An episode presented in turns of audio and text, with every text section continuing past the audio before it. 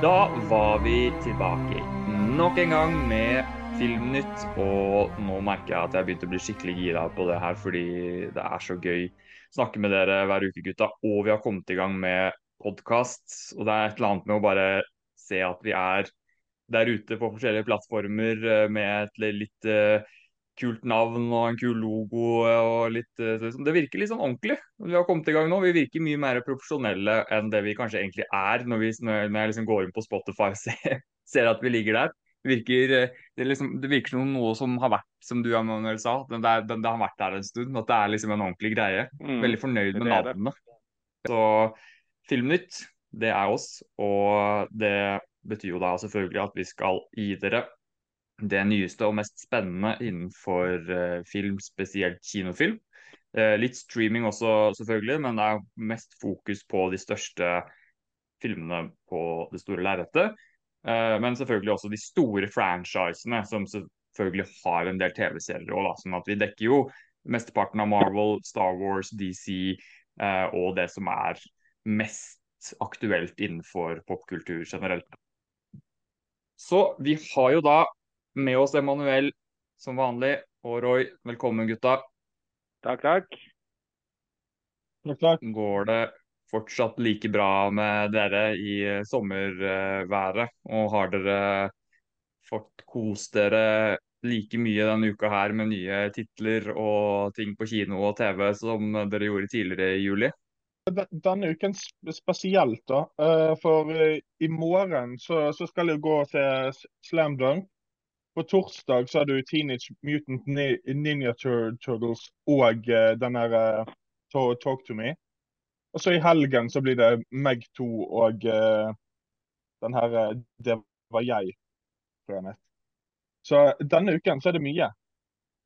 Ja, det er noe vi skal inn på etter hvert, fordi vi skal se litt tilbake mot uh, det vi har sett som har vært de største tingene i juli. Og rangere litt hva vi uh, syns har vært best og dårligst. Og så er det voldsomt mye som kommer denne uka her og fremover i august, så vi skal snakke om hva det er vi ser mest frem til av de tingene som kommer den denne måneden her nå, da. Og Emanuel, du koser deg jo med det meste du ser, veldig altetende, selv om det kanskje er superhelter og Cobra Kai, eh, som er blant de store lidenskapene, så virker du som en uh, veldig åpen fyr. Uh, hva av uh, spennende ting er det du har fått sett nå? nei, altså nå i forrige uke så har jo kona har jo vært på jentetur. Så da har huset for meg sjøl, så da har jeg kunnet se på de skrekkfilmene som ikke kan være på når fruen er hjemme, holdt jeg på å si. Ikke sant? Så det jeg har egentlig tatt og fordypa meg litt inn i, det er eh, Conjuring-universet. Fordi at eh, det kommer jo et nytt kapittel med The Nun 2 om ikke så altfor lenge. Så siden det er noe jeg ja, vil se, så tenkte jeg det var greit å, å starte og bli litt kjent med det universet.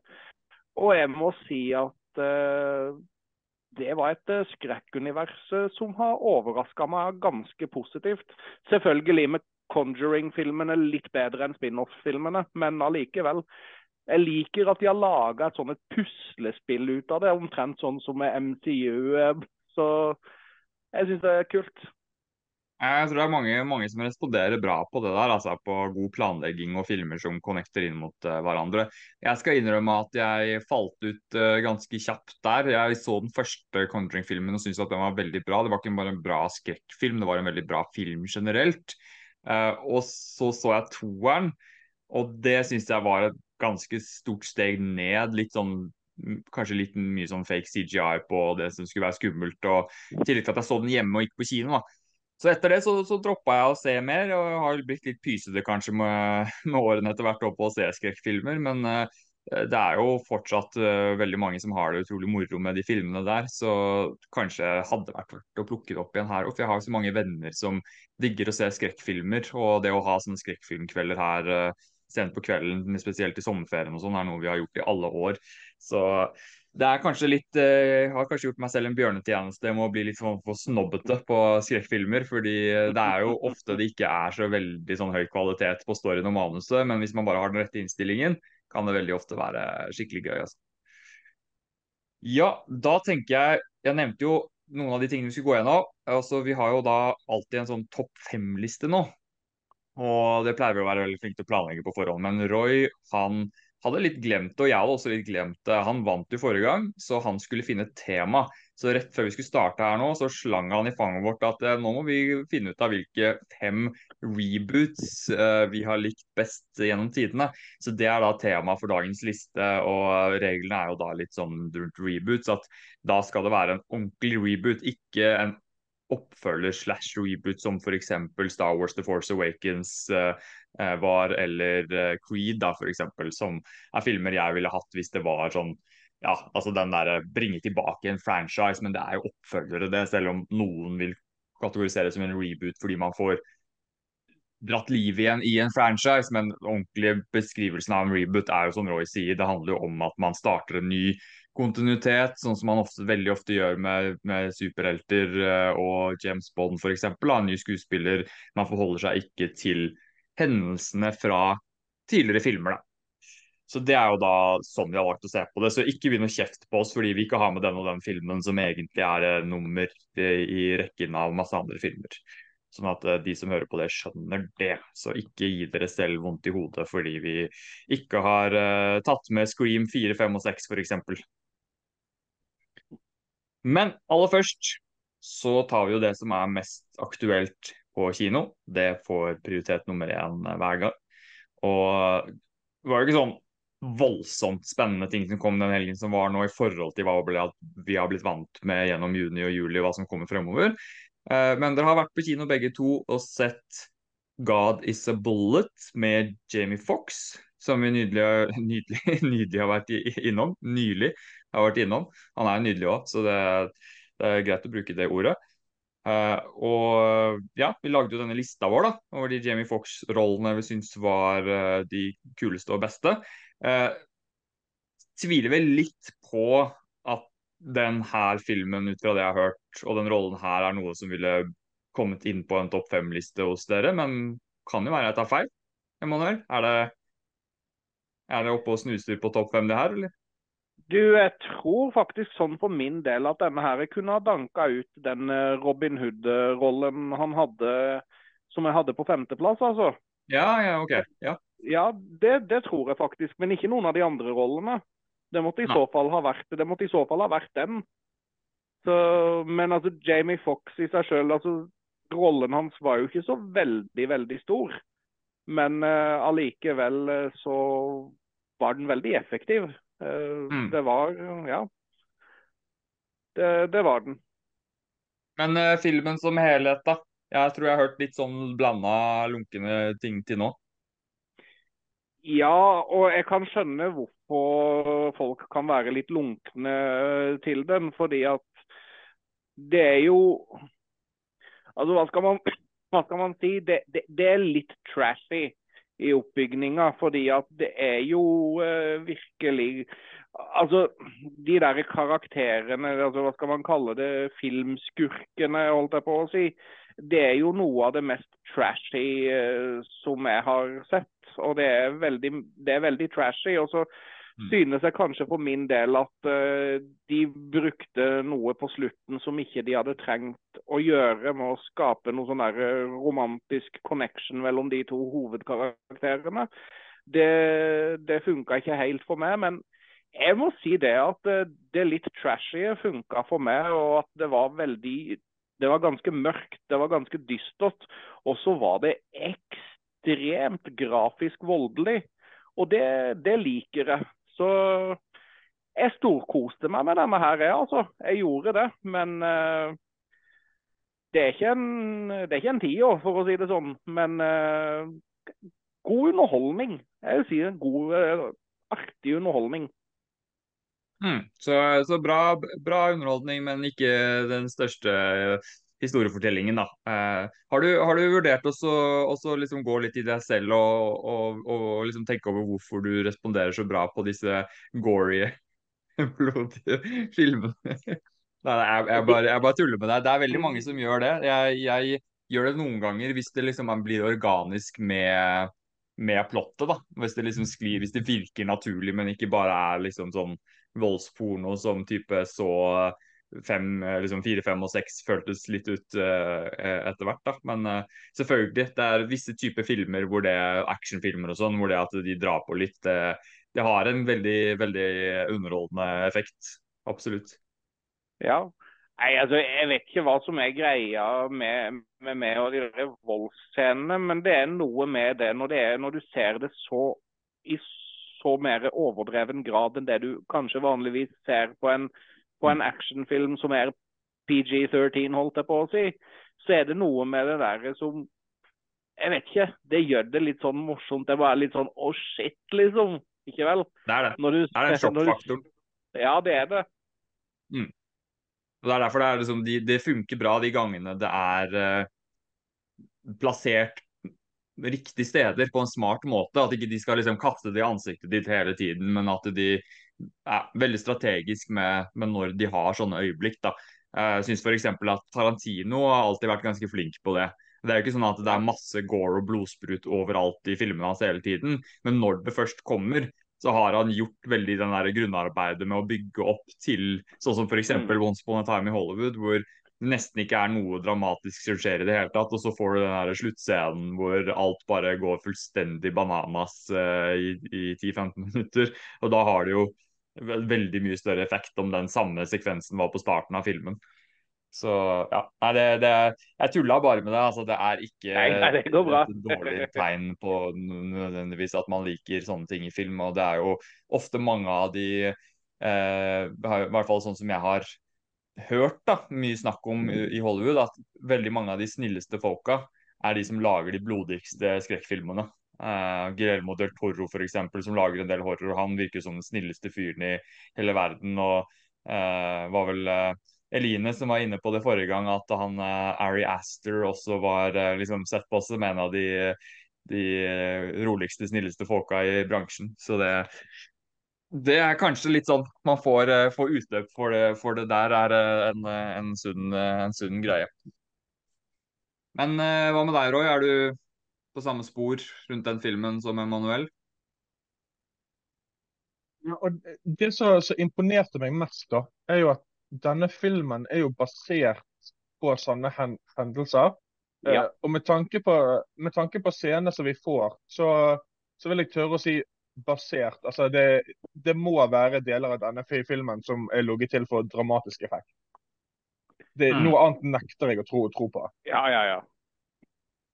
Uh, men jeg, jeg, var egentlig litt interessert i denne filmen, siden en av høyrehårene til the main bad guy blir spilt av en fyr som heter Ethan Supplee. Og han, han, er kjent fra, som broren i My Name Is Earl, eller uh, sånne småroller i mange av Kevin Smith sine filmer.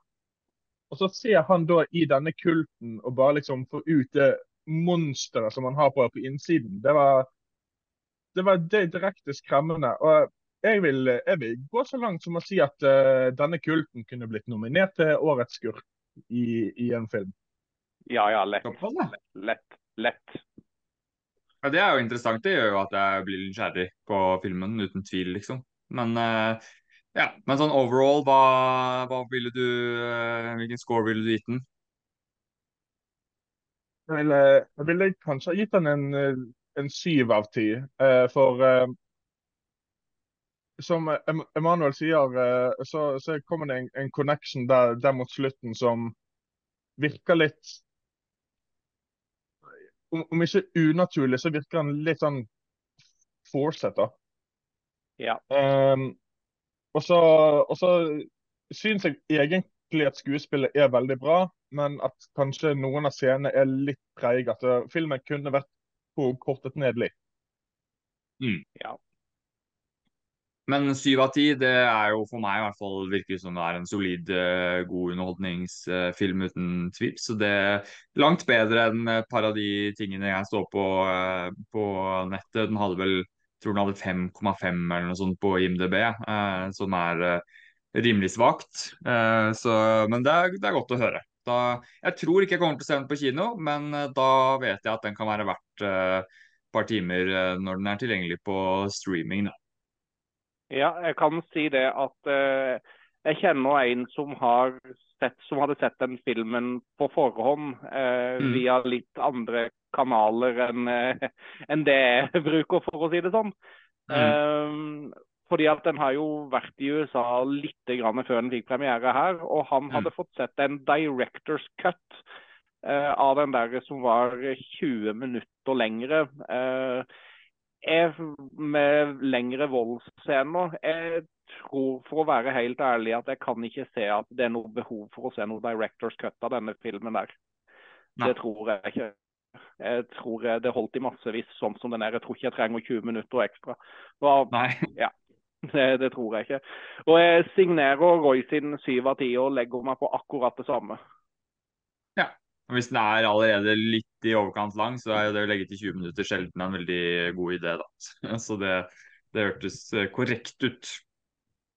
Men Roy, du har fått sett en annen film som var en litt sånn unik eh, premierevisning, eller førpremierevisning, i Bergen, da, av en film som eh, vel ikke kommer til å være vel, kanskje ikke sånn overalt på kino, og som egentlig ikke kommer på en stund enda.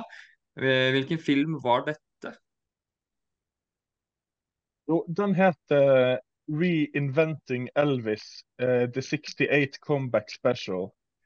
Eh, og for, for de som, som kanskje har sett El Elvis-filmen eller er interessert i temaet, så vet man på en måte at den spesialen som kom på TV det, det året, den, den fikk på en måte El Elvis tilbake igjen på kartet. Hvor uh, han hadde vært gjemt litt vekk i Hollywood og Elvis-filmer i nesten i tiår. Um, det som var kult med denne visningen, da, var at først så fikk vi en introduksjon av Steve Binder, som er regissøren av spesialen. Eh, så fikk vi dokumentaren, og så sto det hvis du venter etter rulleteksten, så får du bonusmateriale. Så da, da fikk vi tre deleted scenes i tillegg. Ah, kult. Absolutt. Hvor bra eller ikke bra var filmen da, totalt sett? Jeg likte det for um, idet han begynner, så, eh, så stopper de på en måte opp på enkelte pe personer. Og så i sånn nesten Guy Ritchie-stil så kommer det opp sånn her eh, Steve Binder, the hero. Eh, eller eh, på Conal Parker, the villain. Eh, og så, så det, var, det var litt sånn kult eh, logge opp. Og så er det jo litt sånn som Når jeg så El Elvis-filmen i fjor, så syntes jeg at det var en skikkelig, skikkelig bra autobiografifilm. Ja. Men det er, det er noe som er helt spesielt med å høre det fra folk som faktisk var, var, var der. At Ja. Det er ikke noe tvil om, om, om det de sier er ekte eller ikke. Så det var eh, absolutt eh, en eh, kul, kul opplevelse å se den filmen, da. Sikkert litt sånn ekstra spesielt fordi du vet at du er blant de få som har fått se den så tidlig. Jeg vil, jeg vil, også si at det er en, det er en must see hvis du er en Elvis-fan. Ja, men det er jo et veldig, eh, vil jeg si, et stort kvalitetsstempel da, når man velger å ta tak i en sånn ting. At det, det skal jo være veldig gøy for de som er spesielt interessert og som er store fans. Det jeg føler jeg er eh, kanskje punkt én. Og så punkt to, kanskje klare å få folk som ikke vet så mye eller er så interessert fra før av, til å bli litt mer interessert enn de var før av. Men akkurat når det gjelder Elvis, så er det jo ikke akkurat mangel på, på folk som har elsket han opp igjennom. Så det er jo ikke sånn at de trenger å drive og appellere masse til folk som ikke kan så mye om Elvis. Eh, det er bare å gripe tak i den entusiasmen og kjærligheten som allerede er der, tenker jeg, som sikkert er det viktigste punktet her, da. Når er det den eh, har premiere sånn for eh, de folk flest, Roy, som ikke er så heldige som deg? Eh, På, på Paramount Plus i Amerika så jeg, så, så jeg at han hadde premiere sånn i midten av august. Så da kan man jo regne med at han kommer på Sky Showtime. Men jeg er litt usikker, for eh, jeg syns det virker som av og til at ting som burde komme på Sky Showtime, kommer seinere der enn hva det hadde gjort på Paramount Plus i Amerika, da, f.eks. Hmm.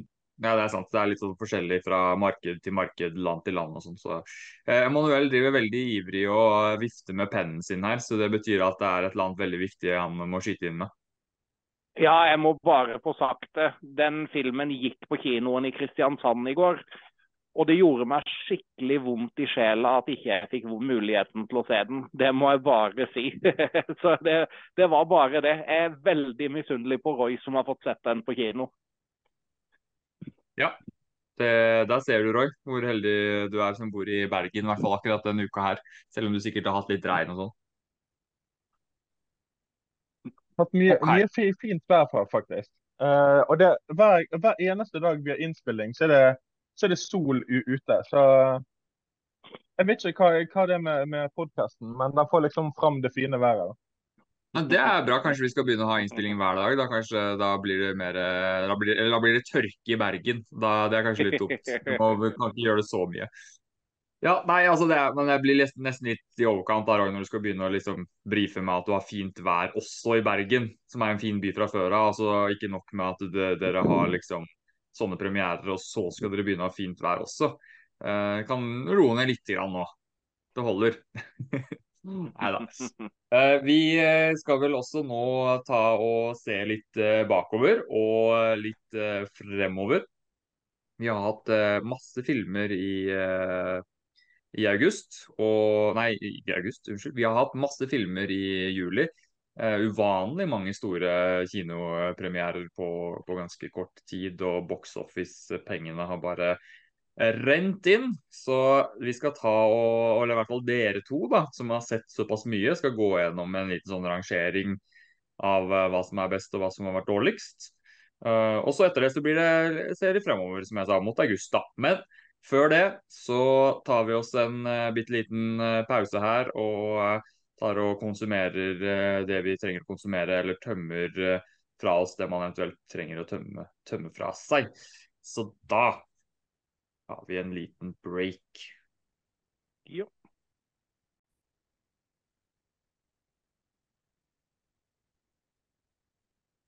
Ja, da fikk vi tatt oss en uh, liten oppfriskende pause med litt uh, veldig frisk luft og uh, diverse ting. Nå skal vi ta et tilbakeblikk på alle de filmene som vi har sett i juli på kino. Kanskje andre steder òg. Og jeg har jo sett voldsomt med film i juli. Jeg har sett en hel film. Eller jeg, så jeg kanskje noe helt i starten òg? Jeg husker ikke hvert fall, det er i hvert fall veldig mye mer dere har sett enn jeg har sett. Så dere skal få lov til å gjøre denne rangeringa mens jeg holder meg litt unna det og bare slår fast at uh, Mission Impossible var en veldig kul uh, kinoopplevelse. Og jeg skal endelig få sett Oppenheimer i morgen kveld. Og så får vi se om jeg også kommer meg til Barbie uh, før jeg skal se The Meg ganske snart. Men dere har jo dekka det meste. Så nå er jeg veldig nysgjerrig. Skal vi ha en uh, topp fem her, eller er det topp tre det går i, Roy? Eh, jeg har, jeg har gjort klar en to, topp fem, bare sånn i tilfelle. Ja, da kjører vi på, da. Med din nummer fem. Min nummer fem i juli er en film vi faktisk allerede har, har snakket om. Der har jeg puttet inn uh, 'God is a Bullet'. Og jeg tror rett og slett at den filmen uh, grep meg litt mer enn en be, be, be, befolkningen flest. Uh, jeg så den sammen med, med, broren min, og han mente at filmen var, var, litt kjedelig. Og jeg kunne ikke fatte hvordan han, han syntes at den filmen var kjedelig. Eh, så for meg så ga disse Bullet til femteplassen. Mm. Manuel, har du Ja. Ja. Eh, jeg ble litt usikker når jeg skulle ta og rangere. Jeg så seks filmer på kino i eh, juli. Eh, og ut av de seks, så er jo en av de egentlig en augustfilm. Men jeg tenker siden jeg så den i juli, så tar jeg den med. Så min femteplass er samme som Roy. Da setter jeg inn 'Guardies og Bullet' på min femteplass. Å ah, ja. Så originalt. Samme femteplass. Ja. Man kan ikke drive og ha samme ting på samme Det er jo ingen som gjør det. I hvert fall ikke jeg. OK, vi kjører videre. Vi skal ha en topp fem-liste til oss, så vi kan ikke bruke veldig lang tid. Fjerdeplass. På min fjerdeplass så har jeg logget inn Pixar sin 'Elemental'. En film som jeg syns uh, var uh, veldig fin, morsom, og jeg tror at hele familien kan få utbytte av denne filmen.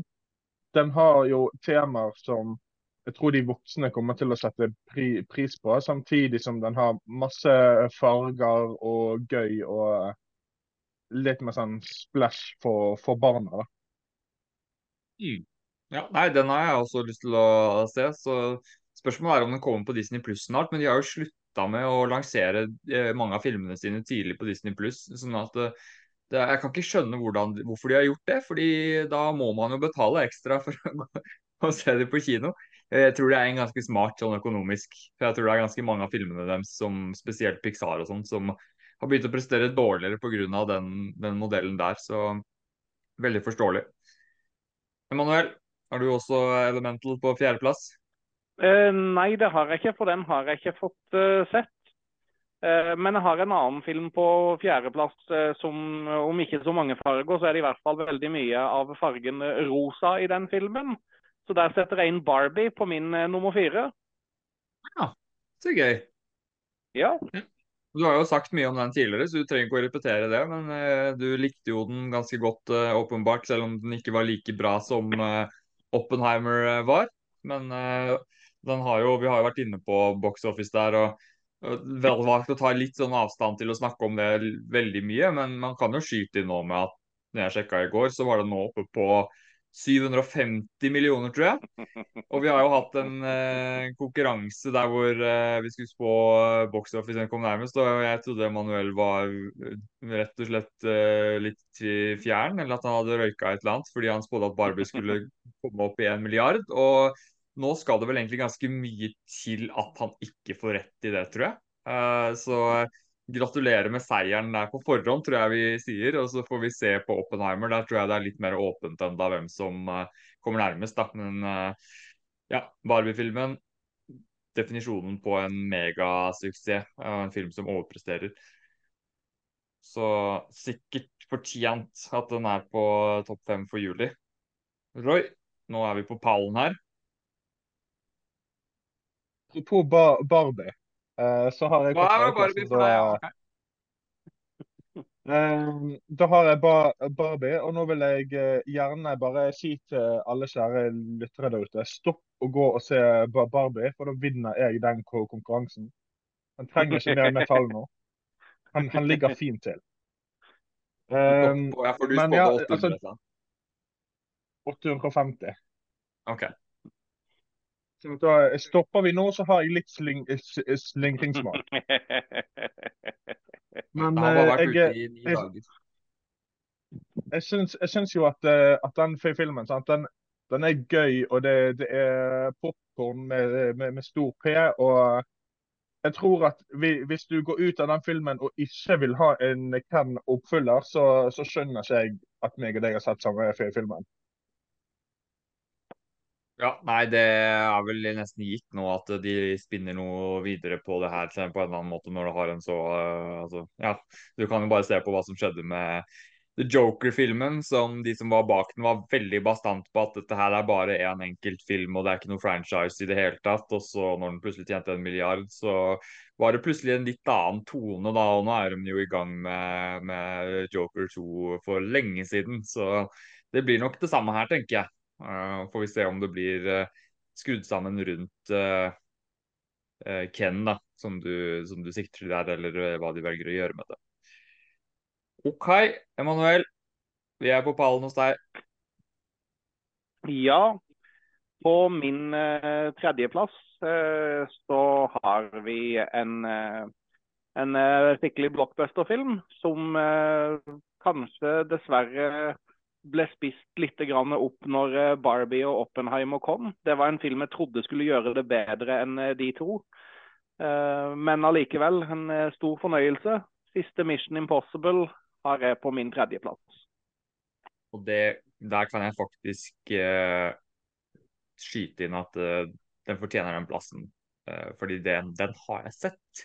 Og det var veldig, veldig god underholdning. Selv om jeg fortsatt ikke helt sikker på om jeg syns den var like bra som den forrige Mission Impossible-filmen, men det er små marginer. altså At den er oppe der med de senere filmene, og den fortsetter bare å levere og levere den franchisen der. Så vel fortjent. OK, eh, da er vi oppe på Roy sin andreplass, og nå hadde jeg veldig lyst til å si et eller annet morsomt og skyte inn med 'Hvorfor har du Paradise Hotel?' eller noe sånt på andreplass, men jeg, jeg kom ikke på noe, og jeg kan ikke bruke den en gang til. Og Paradise Hotel har du åpenbart ikke sett på kino i juli, så hva, hva er det som er der? Er det, noe du, er det noe du kan være flau over? Det hadde vært gøy. Eh, for å si det sånn, hvis Tom Cruise og Hayley Atwell hadde vært med i Paradise Hotel, så hadde det vært sesongen som jeg hadde sett på. For min andreplass går til Mission Impossible Dead Reckoning Part 1. Eh, så han i eh, 4DX, så vil si sånn at stol følger med etter hvert mm. som, eh, som skjermen går. og sånn. Og det, det, anbefaler jeg alle å gjøre, for det her er filmen så, så du skal gå på en sånn sal for å se. Ja, jeg har hatt et par opplevelser hvor det har funka ganske ålreit, og så et par andre filmer hvor jeg syns det bare ikke ga noen ting i det hele tatt. Jeg husker eh, så den siste Pirates of Caribbean-filmen der, og den var jo ikke noe særlig bra, men det funka veldig bra. At du følte liksom at du var på et skip, og de hadde konstruert de bevegelsene veldig fint i forhold til uh, Eh, hvordan eh, de forskjellige skutene bevegde seg på havet og sånn. Eh, altså, men så var det en annen opplevelse da, som var 'Ghost in the Shell' med Scarlett Johansson, hvor jeg bare følte at det ga absolutt ingenting til filmen i det hele tatt. De hadde sånne rare greier med Jeg vet ikke om du opplevde det også, Roy. Sånn at de, hvis det er noen som blir stabba med en kniv i ryggen spesielt, så kommer det sånn der, en sånn greie ut av ryggen så det skal kjennes som du blir stabba, liksom. Det er et par sånne detaljer som jeg bare synes er veldig unødvendig. Da. Men mange av de bevegelsene uh, til stolen i seg selv, de synes jeg ofte uh, funker veldig bra. At det, som du sier, gir en sånn ekstra dimensjon av innlevelse i filmen sin uh, liksom cinematiske bevegelse da, og kamerabevegelsen og sånn. Det, det syns jeg er bra. Så jeg kan se for meg absolutt Mission Impossible er en film som passer greit til det der. Ok, eh, da var vi over på Emanuel igjen, sin uh, andreplass. Og kan, kan, ikke noen overraske meg snart, da? Det her er bare så, det er så, det er så enkelt hele veien. Det er veldig forståelig at dere har det dere har, men jeg har lyst til å bli overraska. Ja, eh, det er mulig du blir litt overraska nå, men dette her er en film som jeg syntes var veldig god. En film som kanskje med tittelen kanskje kan avskrekke, altså kan virke avskrekke, eller ja, skremme folk ifra å se filmen. Men jeg mener at den er såpass god, og at den er laga på en måte sånn at uh, alle kan faktisk ha glede av den.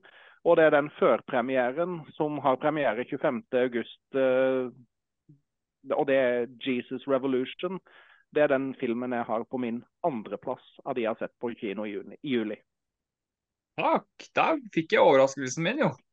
Det var, Jeg så ikke for meg at uh, du skulle ha den, altså. Så det var, det var gøy. Liker, liker, at sånne litt sånn annerledes uh, ukjente filmer uh, kommer på toppen eller høyt oppe på sånne, sånne rangeringer.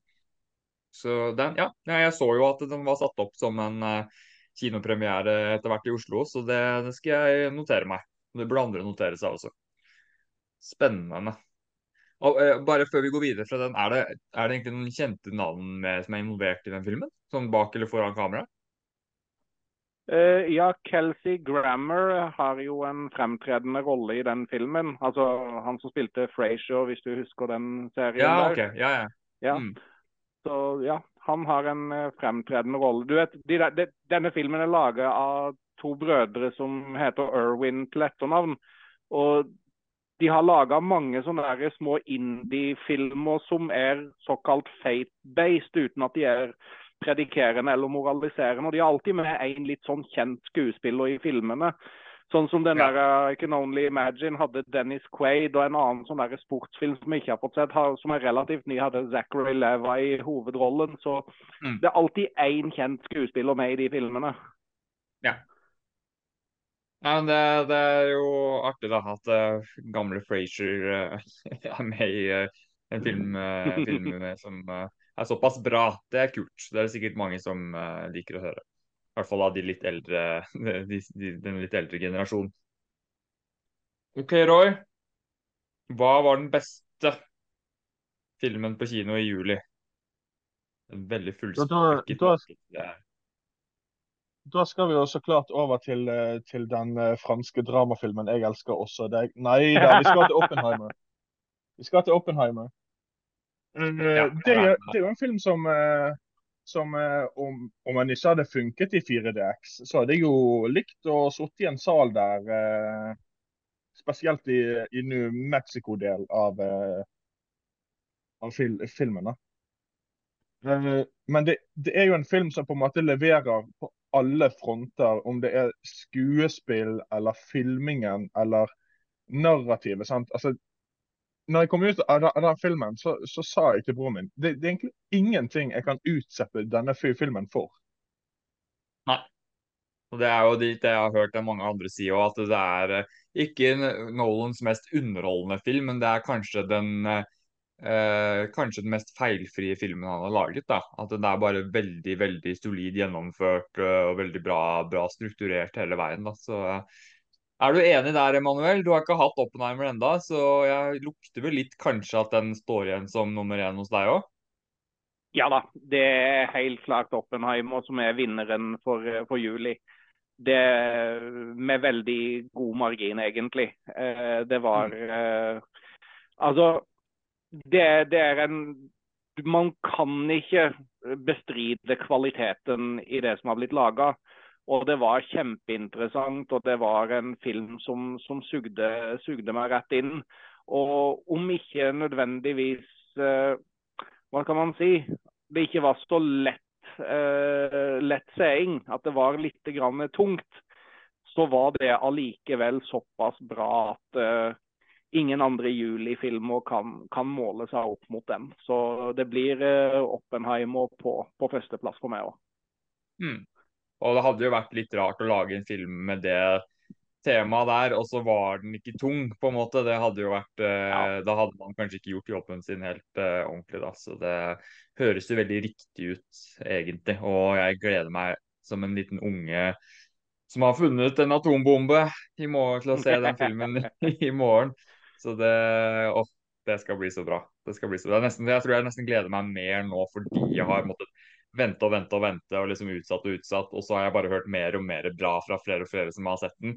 Uh, så nå, ja, nå, kribler det i magen. Uh, på samme måte som eh, det gjorde før jeg så Spiderman No Way Home. og Jeg har ikke hatt helt den samme følelsen siden da. Uh, og apropos det, jeg så ikke før nå i stad vi hadde en pause, at det tidligere i dag hadde kommet ut noe som var ganske superheltrelevant. Vet dere hva jeg snakker om da? Roy nikker på hodet. OK. Loki.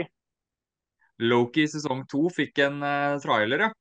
Uh, og den, jeg digga jo den første sesongen, og er vel uh, den og WandaVision som har vært mine favoritt-Marvel-serier eh, så langt. Eh, men jeg rakk jo ikke å se den, da, siden vi bare hadde en eh, veldig veldig kort pause, og jeg måtte tenke på denne lista mi. Eh, men har dere sett den, dere to? Ja. Ok, det er bra. Da kan vi jo ta en uten Jeg har lyst til å se etterpå, så du trenger ikke liksom si alt den inneholder her, men sånn veldig sånn kort, Roy, hva, hva var inntrykket ditt, eh, og, og likte du den første sesongen godt? Eh, Jeg, jeg likte den, den første se, sesongen, og jeg, jeg er blant de som elsket episode seks pga. George Jonathan Ma Major sin, sin rolle. Mm. Um, i, i, I miljøet mitt så, så syntes de at det ble litt for mye dialog i, i episode seks. Men jeg, jeg syns at, at episoden hadde så mye dialog og fortsatt holdt på spenningen, Uh, satt den bare høyere opp i, i, i min bok. da. Mm. Jeg var helt enig, jeg syns det var men, fantastisk. Men ja, fortsett. Men eh, det jeg tenkte når jeg så denne traileren, det var damn it, MCU. Nå skuffet dere meg med She-Hulk, og så skuffet dere meg med Secret Invasion. Og så kommer denne traileren her og tar meg rett tilbake igjen. Sant? Eh, håpene mine er skyhøye til, til denne serien. Uff da. Det er ikke bra. Men det er vel kanskje bedre enn at uh, traileren hadde vært ræva, da. Så det Ja. Nå får du bare prøve å balansere deg litt når du går inn. Men uh, det høres ut som traileren leverte, i hvert fall, uh, Emanuel. Er du enig der?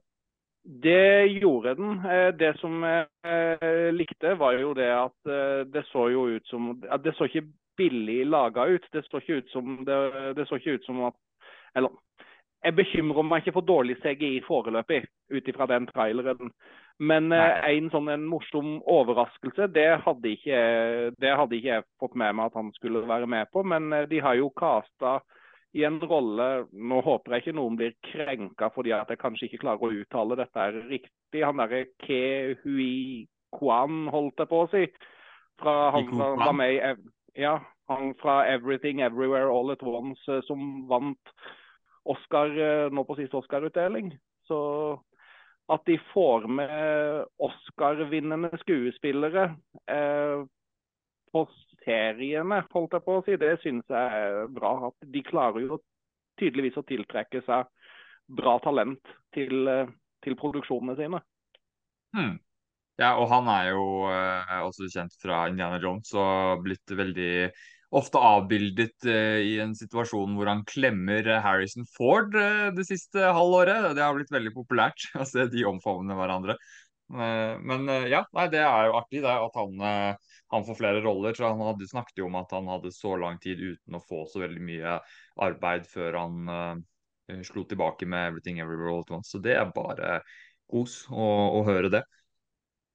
OK, da kan vi fortsette på det som var opprinnelig programmet, men jeg tenkte det der måtte vi bare skyte inn med siden jeg så, så det. Jeg er litt overraska over at ikke dere nevnte det i stad, når jeg sa liksom hva vi skulle ta på og sånn. Så når dere har fått med dere sånne ting, så må dere ikke være redd for å, for å nevne det. Fordi det går litt fort for seg noen ganger for meg, og det er ikke alltid jeg har den samme oversikten som jeg har uh, andre dager. Så det, det må bare pushe på, uh, sånn at vi får med oss uh, Fordi vi kan jo ikke vi kan jo ikke droppe en sånn ting. Altså, vi skryter jo her av at vi skal dekke de viktigste store franchisene, og så har vi plutselig ikke nevnt det den dagen den er kommet. Det, da, det da kan man ikke ta oss alvorlig. Det, så det, det, er viktig å, å, få med seg. Da skal vi se fremover mot august. Og det er jo ikke så mange filmer som kommer i august, da er det det? Roy? I hvert fall ikke denne uka her. Hvor mange premierer var det, var det nå? Det var fire-fem ganske store premierer eh, bare denne uka her. Eh, og vi begynner jo allerede nå på onsdag med en ny versjon av uh, Turtles, Teenage Mutant Ninja Turtles, som jeg var veldig glad i for uh, en del år tilbake. Uh, og spesielt disse her litt sånn småteite filmene på starten av 90-tallet hvor det er veldig lett å si at de har på seg drakt. Eh, men ja, altså skal jo si at jeg, jeg kommer til å være veldig nysgjerrig på den filmen her. Eh, selv om ikke det er eh, Jeg vil ikke ha den på førsteplass for, for august, fordi jeg gleder meg til. Men det er absolutt verdt å, å merke seg, og jeg kommer til å se litt nå hvordan hvordan omtalen blir. Eh, men hvis jeg hører mye kult om den, så tror jeg at den kan fort bli, bli en prioritert også på, på kino. Også. Men vi skal også gjøre en liten, uh, liten, rangering her, så det blir mye rangeringer uh, nå. Det blir tre, tre topp fem-rangeringer. Hvis dere har gjort det, det dere òg, gutta. Dere har satt opp en, en 51 her også. Ja.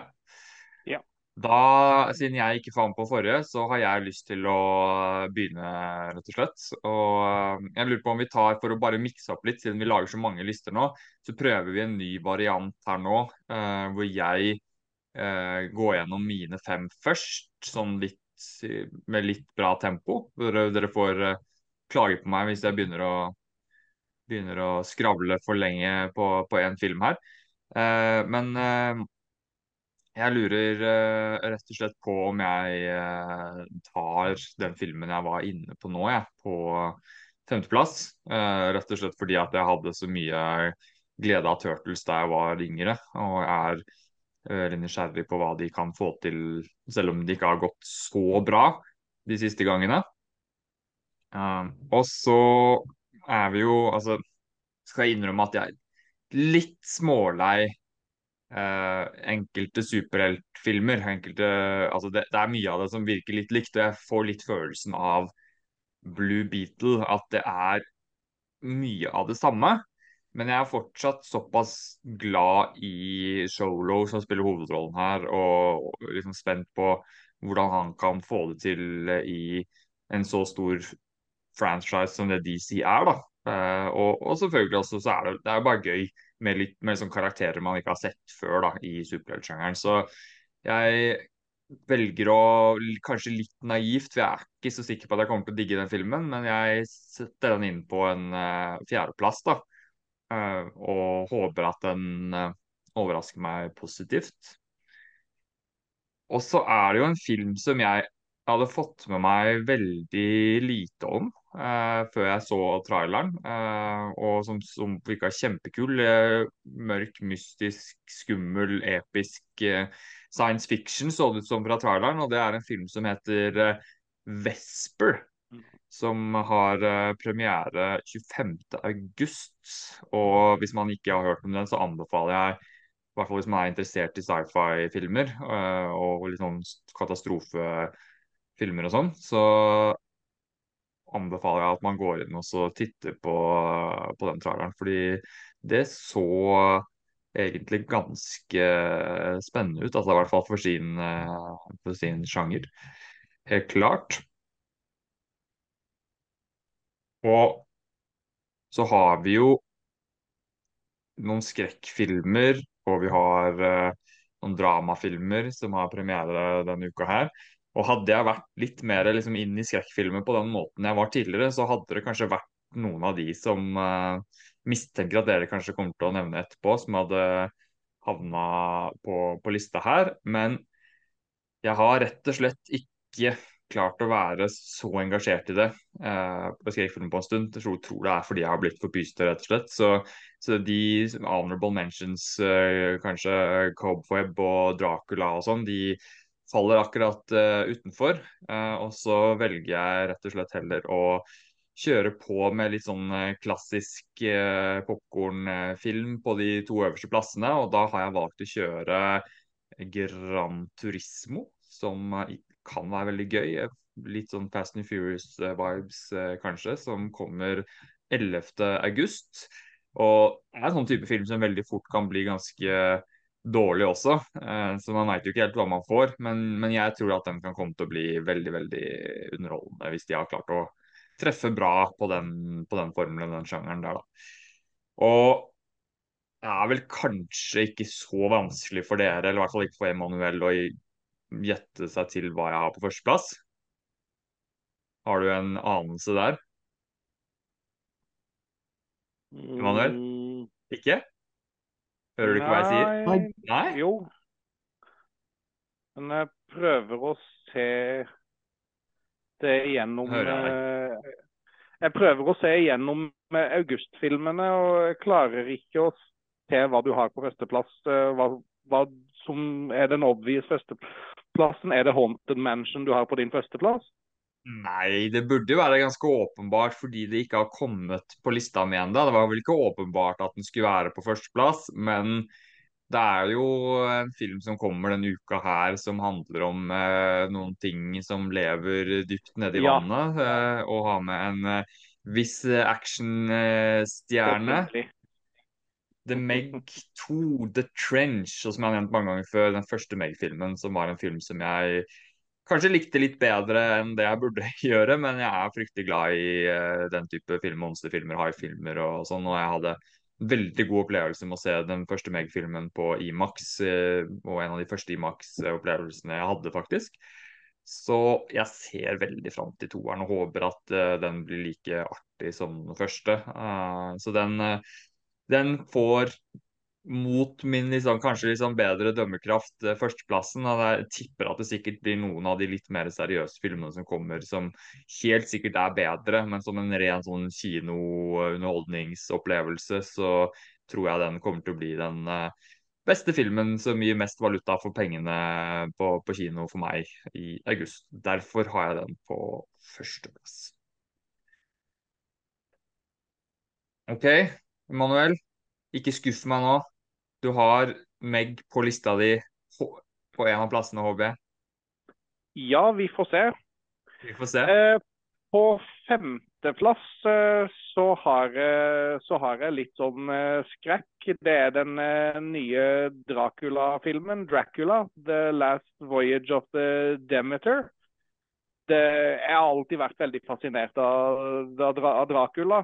Og i år så føler jeg meg veldig heldig som får to Dracula-filmer på kino. Først Renfield tidligere år, som for øvrig ikke kan sammenlignes med dette.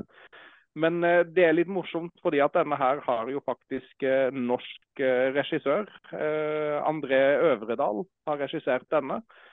Og dette tar jo for seg den derre det tar for seg bare ett kapittel av uh, Bram Stoker sin Dracula-roman, holdt jeg på å si. Den delen hvor Dracula blir frakta fra Romania til England på den båten. Så det blir spennende mm. å se hvor mye film de klarer å lage ut av en så liten del av Dracula-historien. Men uh, mm. den ser jeg veldig frem til. Uh, fjerdeplassen min, der må jeg jo heie litt på den sjangeren som jeg setter veldig stor pris på. Og vi får jo faktisk en DC-film. og Det er Blue Beetle det er på min fjerdeplass. Uh, ja, vi heier på Cholo, men uh, jeg vet ikke. Jeg har bare en følelse på at dette kommer til å være en god underholdning, og ikke nødvendigvis noe mer enn det. Og akkurat den type underholdning den føler jeg trenger eh, nå i august. Så det er min nummer fire, i hvert fall. Eh, så får vi jo se hvordan den passer inn i puslespillet videre eller ikke. James Gunn mm. har jo, en, har jo kommet med en veldig merkelig uttalelse. Han sier at Blue Beetle, altså til Sholom Marguena, det blir den første karakteren i det nye DCU. Men mm det blir ikke den første filmen i DCU. Så Supermann Legacy blir den første filmen. Så det virker som at de skal beholde han videre, men at kanskje ikke den filmen nødvendigvis kommer til å være connecta i det nye som kommer. Så vi får se. Um, så på tredjeplass så har jeg selvfølgelig Meg 2. Ja, jeg har den på lista, Sindre. Veldig bra. Veldig bra. Ja. Det gjør meg, gjør meg blid. Den skal selvfølgelig sees eh, denne uka her, så det ser jeg veldig frem til.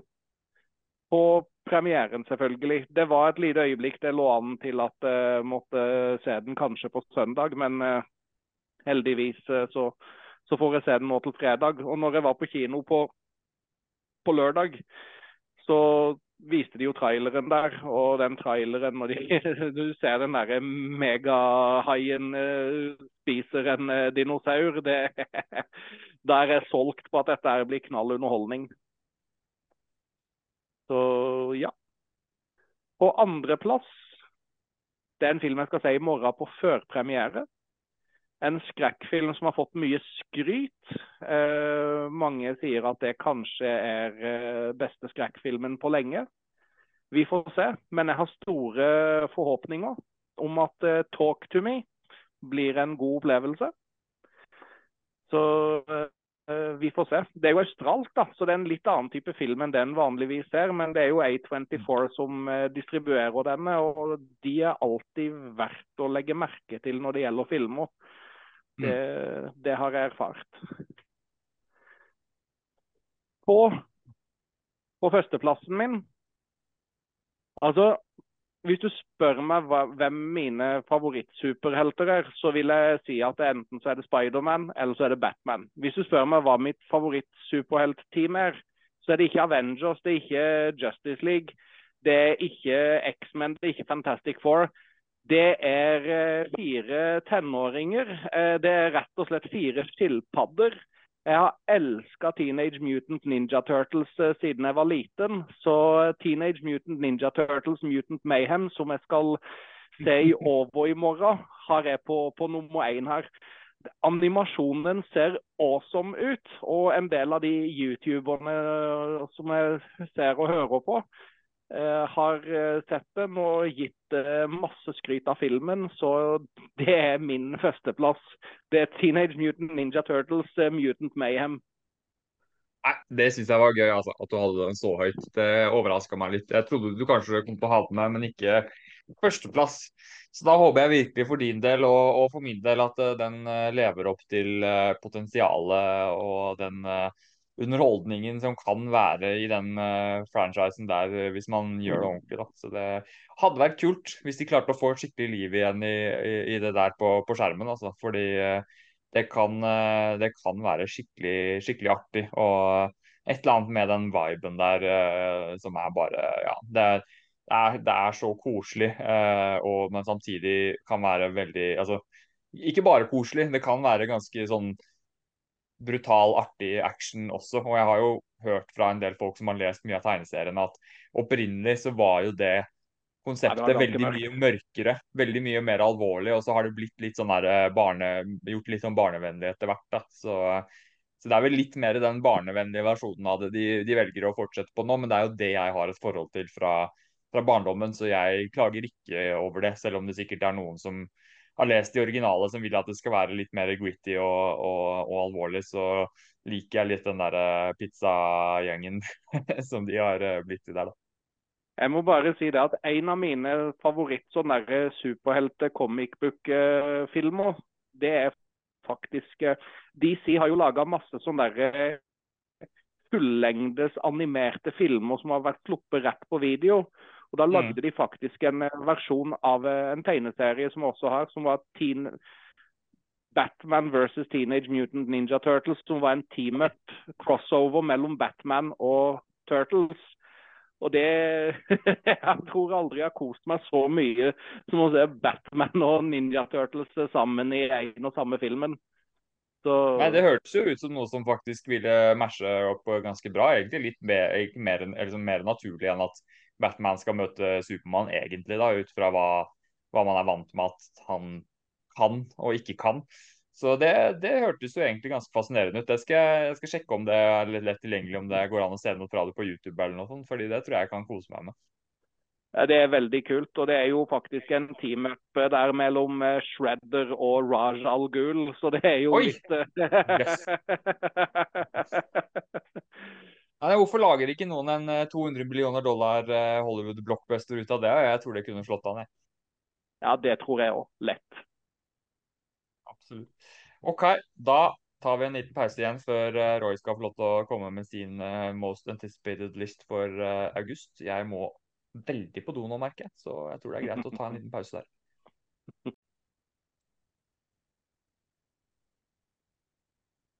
OK, Roy. Du skal jo sikkert se Hvor mange kinofilmer blir det? Skal vi se i august. Sikkert 15-20, hvis ikke mer. Minst. Så da er det ganske mange kandidater til uh, hva som er uh, de du gleder deg mest til. Så du får jo bare rulle av gårde fra femteplass og oppover. Ja, før, før, jeg begynner med, med min femteplass, så har jeg bare lyst til å honorable mentione Uh, talk, talk, to Me og uh, The Greatest Days. Uh, fordi De nådde ikke min to topp fem, men jeg syns absolutt at det, det er filmer som folk skal, skal se opp for. En skrekkfilm av A24 og en jukebox-musikal med Take That sine hits. Mm. Sånn at de, de, er, de er verdt å bemerke seg. Men på femteplassen min så har jeg den skrekkfilmen i år som når jeg så traileren, så var jeg sånn Denne må jeg se. Og det er Dracula, The Last Voyage of the Demeter. Uh, bare tenker, Du har Benny fra In the Heights. Sant? Du har Davos fra Game of Thrones. Du har uh, han er skuespilleren som jeg nevnte, som jeg aldri kan, kan navnet på. David Han er sånn på Polka Dotman. Ja, nei, jeg glemmer alltid, jeg òg. Vi, vi, ja. vi hadde jo gikk jo gjennom det for et par episoder siden. Uh, nei, jeg holdt på å si David Dukovny, men det er det i hvert fall ikke. Uh, ja, jeg tror at de som hører på, som uh, vet det, kan få lov til å kan få lov til å kjefte på oss. Så skal skrive det i kommentarfeltet eventuelt, sånn at de som hører på nå, kan se det, se det under. Men, men, ja, men uansett, jeg vet hvem du mener, Roy. Polka Dotman. Det, det, er jo et stjernekast i en skrekkfilm som eh, det, Altså, det, det er første traileren på en skrekkfilm i år hvor jeg kjente sånn Det her kommer til å gi meg goosebumps. Denne, denne filmen ser helt sinnssykt bra ut. Og, Ja. og når eh, Em- Em- Emanuel nevnte at det er en norsk eh, regissør, så, så solgte jo det bare enda mer. Mm. Uh, så det er for, for femteplassen min. Og da kan man begynne å lure på vi- Hvis jeg er så hyped etter femteplassen, så, så blir jo det her en gøy liste. Mm. fjerdeplassen min, der har jeg uh, rett og slett uh, en Disney-film som heter Haunted Mansion. Mm. de, de, de forsøker seg på en, en reboot med Owen Wilson, Ro, Dawson, sant? Eh, og jeg hørte et re review av denne filmen hvor, eh, hvor folk sa folk som gikk inn med lave forventninger, sa vet du hva, denne filmen var ikke så, så dårlig som jeg hadde trodd. Den, den er helt OK. Eh, men eh, den, den er absolutt eh, under, underholdende å se på. Og så fikk jeg også hørt barneskuespillerne eh, spiller bra i denne filmen. Og det, og det er ikke en diss mot voksenskuespillerne, men de spiller oppriktig bra. Og jeg, jeg blir alltid så glad når jeg hører liksom at barneskuespillerne gjør en god jobb. For det, det er på en måte de som, som har minst fartstid. da. Så da, da når de får det til, så, så er det, det er alltid en pluss i, i min bok. Eh, Tredjeplassen min, da skal vi over til HBO Max-filmen som fikk en kinorelease. Blue Beetle. Skulle være en streamingfilm, men de sa at denne filmen er så god at vi må få den på, på kino. Og det for å påhåpe mitt. Um, og det, det her med at J. James Gunn har gått ut og sagt at uh, det her er første karakteren i hans univers, det, det, det gjør meg intrigued for å finne ut på en måte hvor- hvordan. For da, da blir det litt sånn Nå, nå, nå kan ikke folk si ja, men jeg, jeg, jeg gidder ikke å se den, for, uh, for det, det henger ikke sammen med noe. Det her henger faktisk sammen med noe, og vi, vi vet egentlig ikke hvor, hvordan. Så jeg, eh, jeg, jeg har håp på, på den. Jeg, føler jo sånn at- DC har gjort det veldig bra i det siste. Så jeg håper at denne fortsetter streaken på gode filmer fra DC. Andreplassen min eh, den går til eh, Leonardo, Rafael, eh, Michelangelo og Donatello. Teenage Mutant Ninja Tur Turtles. Jeg hører på en podcaster, John Campia, og han har vært veldig kritisk til, til denne filmen. Siden for han så var Teenage Mutant Nin Ninja Tur Turtles eh, mye mørkere enn det de her guttene her, her er.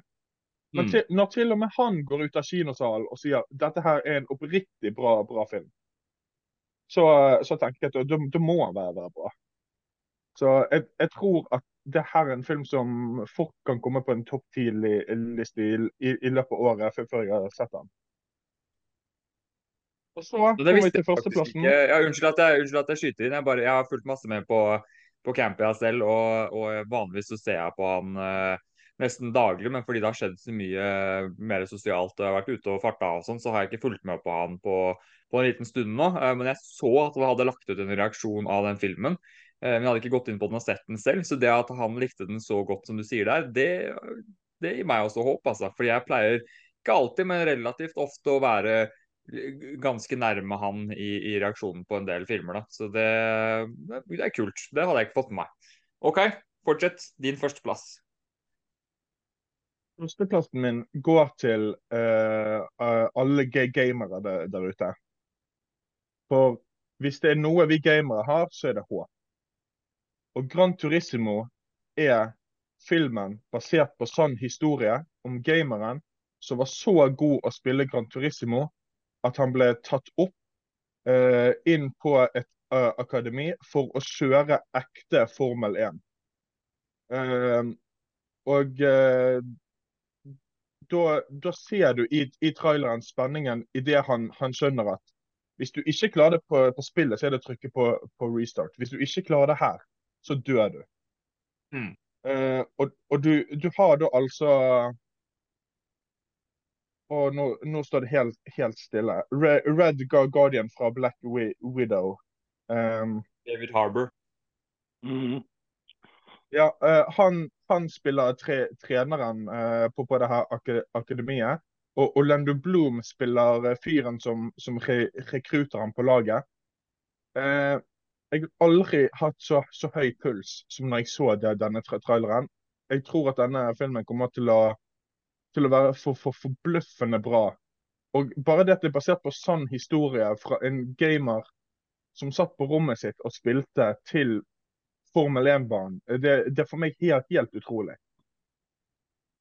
Det er faktisk du sier der, visste jeg faktisk ikke i det hele tatt. Så det gjør at jeg også gleder meg enda mer. Jeg hadde den jo allerede på, på andreplassen min, da, så jeg tror den kan bli veldig underholdende. Men den, det, det, den dimensjonen der, det gjør jo at det er en ekstra spenning rundt det her. da, Og at det, kanskje, kanskje det er noe litt mer seriøst med filmen òg enn det jeg så for meg. da, som Jeg tenkte at det skulle være litt sånn basically overfladisk underholdning, da. Men, eh, men, det hadde vært veldig kult hvis de klarte å gjøre, gjøre det med den også. Da. At uh, det var uh, ikke bare uh, for Fast and Furious over the top bilscener og sånn, men at det er en, ja, en litt mer sånn ordentlig historie der. Da. Og det burde det jo kanskje være til en viss grad da, når det er basert på en ekte hendelse. og det tror jeg ikke Fast and Furious-filmen er, selv om jeg ikke skal si eh, helt sikkert. Det kan jo være at det har vært en sånn type Dom, eh, Dom Toretto en annen gang som har ledet en gjeng og kjørt veldig fast and furious. Så,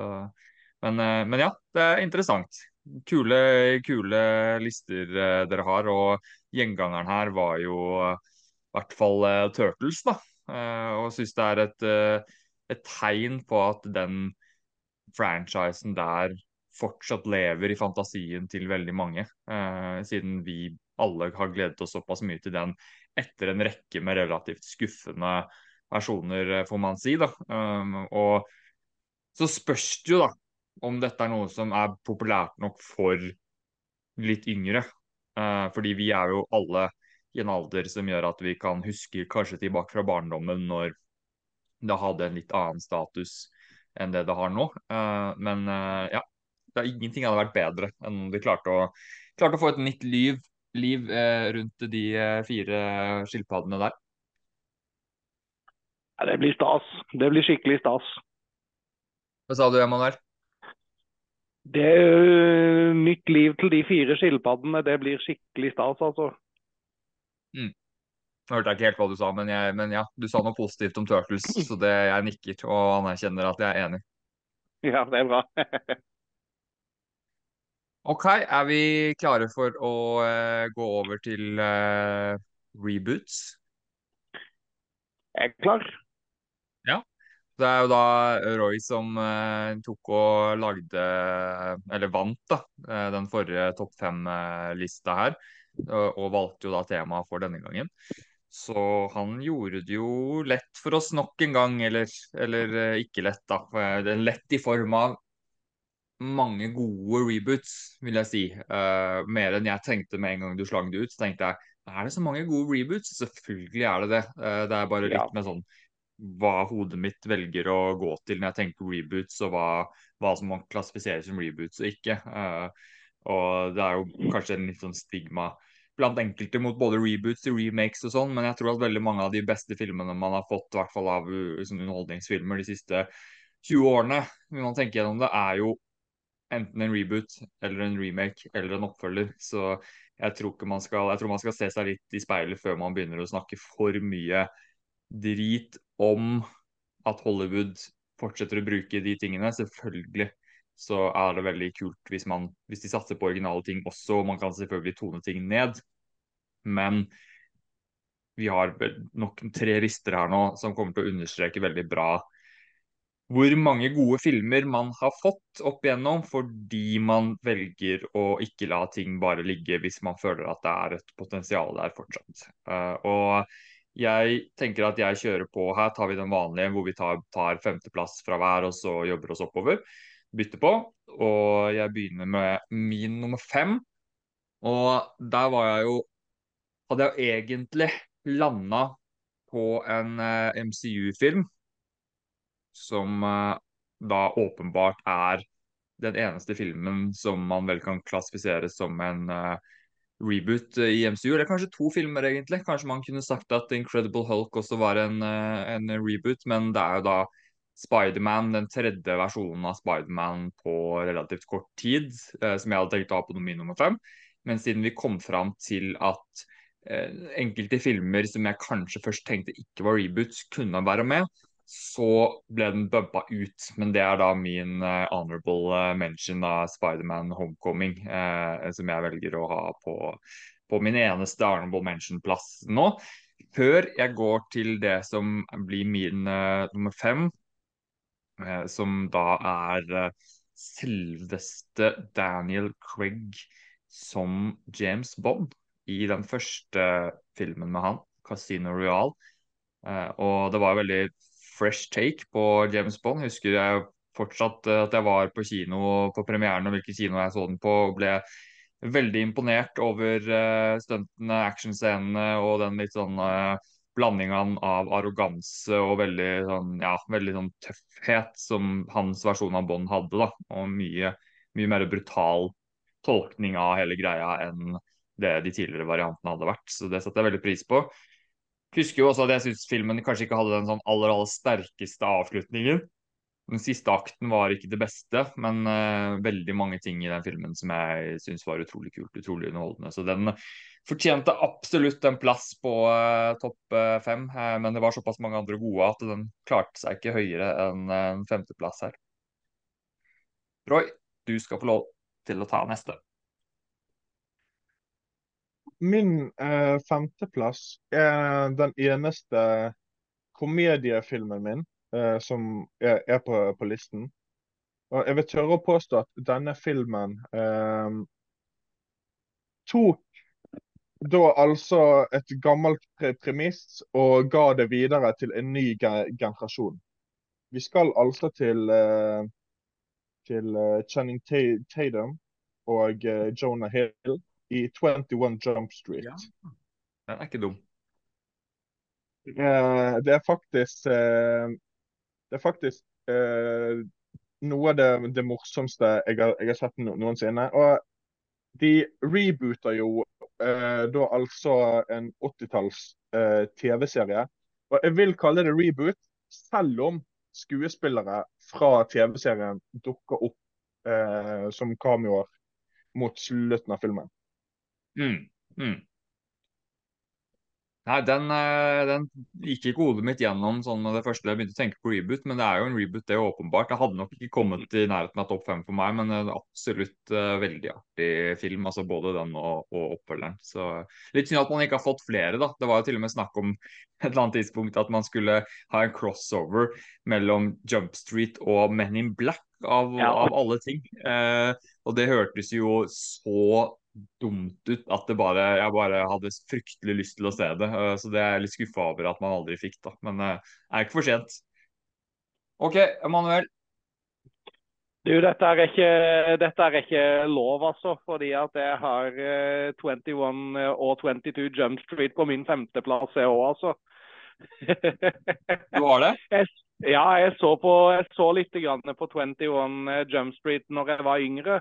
Så jeg husker det veldig godt. Når det der kom, så tenkte jeg ja, ja. Eh, men eh, det var jo kjempeunderholdende. og det var For meg så var det noe jeg ikke visste at jeg trengte. Altså filmversjonen reboot av eh, 21 mm. Jump Street. Og jeg synes både 21 og 22 Jump Street er kjempekule. Mm. Uh, og så syns jeg det var veldig synd at ikke de lykkes uh, når de prøvde helt uh, når de prøvde å gjøre det samme med Baywatch. fordi at når jeg så hva de hadde fått til med det, så tenkte jeg at det blir sikkert bra med Baywatch òg. Litt gøy, men ikke på høyde med det. Så jeg har samme femteplass som Roy, altså. Mm. Det er kult at du, dere, dere, deler den entusiasmen der. Det er, som jeg sa, jeg syns også de filmene der er veldig artige. Men jeg tror jeg har Nå kunne jeg veldig fort begynt på en sånn her eh, tangent over på noe annet veldig lenge. Jeg, du nevnte Baywatch. Og jeg og Olaf vi hadde en ganske lang eh, samtale som er eh, knytta til en sånn eh, konkurranse vi spilte inn, som jeg ikke har lagt ut ennå. Eh, som er ganske fascinerende, hvor vi gikk liksom inn på filmografien til The Rock, bl.a. Baywatch.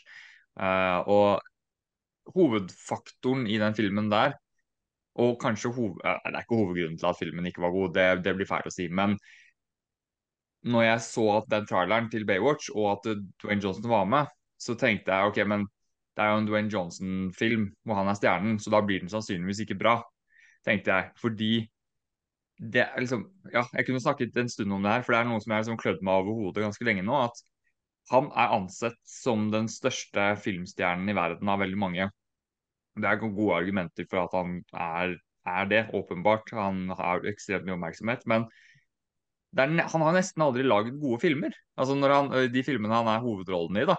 I hvert fall ikke, ikke, ikke store filmer. Hvis du går gjennom filmografien hans Det fins to filmer som han har spilt i, som har tjent mye penger, og som har fått mer enn 70% på Rotten Tomatoes.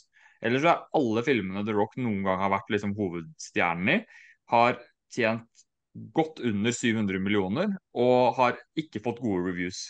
Og hvordan man da klarer å være ansett som verdens største filmstjerne, det er jo egentlig fryktelig fascinerende. Eh, og det er nok veldig mye fordi at alt han er med i, gjør det mye bedre fordi han er med fordi han trekker folk til kinoene.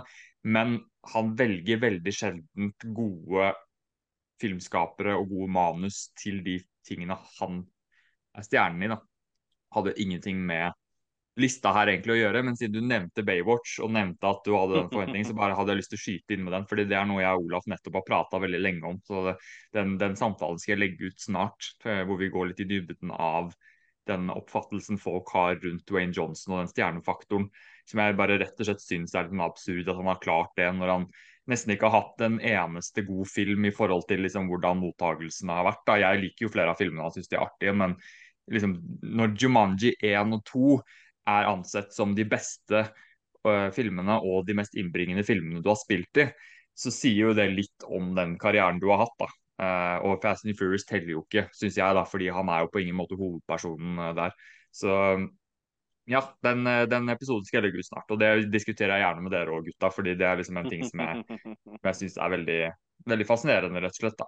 Og kan kanskje rett og slett lage en sånn hvem er de største filmstjernene i dag-lista? Fordi det blir ofte debattert eh, mye og frem og tilbake. Og har man liksom den samme trekkraften til store filmstjerner som man hadde tidligere. da, Men nå gjorde jeg akkurat det jeg sa jeg ikke skulle gjøre. Gikk på en tangent og begynte å snakke fem minutter om noe annet. Vi er fortsatt på lista. Og Roy hadde kommet med Nei, dere to hadde kommet med deres nummer fem. Da er det meg. Nummer fire. Og eh, da skal vi bevege oss tilbake til uh, superhelter. Og vi har en relativt fersk film med en uh, skuespiller som er veldig undervurdert, som har spilt uh, glitrende vampyr. Og gikk over til en annen vampyrlignende skapning i uh, The Batman. Med Robert da Pattinson sin tolkning og Matt Reeves sin veldig, veldig godt regissert og godt skrevet reboot av Batman fra i fjor. Og nådde ikke helt opp til Nolan-filmene, men jeg syns fortsatt den var veldig god. Og en uh, fresh take, eller fresh take i forhold til de andre filmene, med litt mer sånn noir, krim, uh, detektiv-vibe på det. Og veldig, veldig mørk, desidert mørkeste versjonen av Gotham og det universet man har fått på film. Så den satte jeg veldig, veldig pris på for uh, det den var. Uh, syns også musikken igjen fra Michael Giochino var uh, nydelig. Eh, noe jeg har hørt på masse mens jeg har sittet og skrevet på, eh, på, en bok som jeg skriver. Så veldig mange ting med den filmen som jeg syns var veldig bra. Selv om jeg skal innrømme at jeg syns det var litt tidlig å reboote Batman. Jeg skulle gjerne hatt en litt lengre pause, men skjønner jo veldig godt hvorfor de gjorde det. da, Når Batman er så populær på film som, som han er og har vært i det siste. da. Veldig fortjent plass på topp fem til uh, Robert Pattinsons The Batman. OK, da er vi tilbake på deg, Roy. Holde oss i, i superheltlandskapet. Uh, min fjerdeplass går til Spiderman Homecoming. Rett og slett siden jeg føler at jeg føler at det at du klarer å få tak i en skuespiller som både klarer Spiderman-biten og Peter Parker-biten så perfekt som Tom Holland gjør, uh, det er et pluss at du klarer å ta en så skrøpelig skurk som The Vulture og gjøre han så badass mm. som det han er, han er, i den filmen. Uh, det, det, er helt fabelaktig. Og Jeg tror det første MCU-filmen hvor jeg satt med et sånn derre Idet han åpner døren og ser at The Vulture er faren til, eh, til Dayton. Er, er, Ja, det husker jeg også. Opplevd veldig. Så jeg, jeg syns at Spiderman Homecoming, eh, som da er reboot av eh, Spiderman, eh, er en eh, for, for, fortjent fjerdeplass. Mm. Ja, det var jo veldig nære, og det hadde jo vært min sjetteplass hvis lista straks er lenger enn fem. Så det, den er ikke dum, den, altså. OK, Emanuel. Du får ikke lov til å ha det samme som Roy en gang til, så nå må du ha noe annet enn Spiderman Homecoming her. Ja, jeg har noe helt annet her. Jeg har faktisk eh, noe som har blitt reboota tre ganger. Med gode resultater eh, alle tre gangene.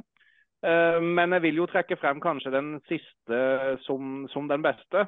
Og det er A Star Is Born med Mm. Bradley Cooper og Lady Gaga.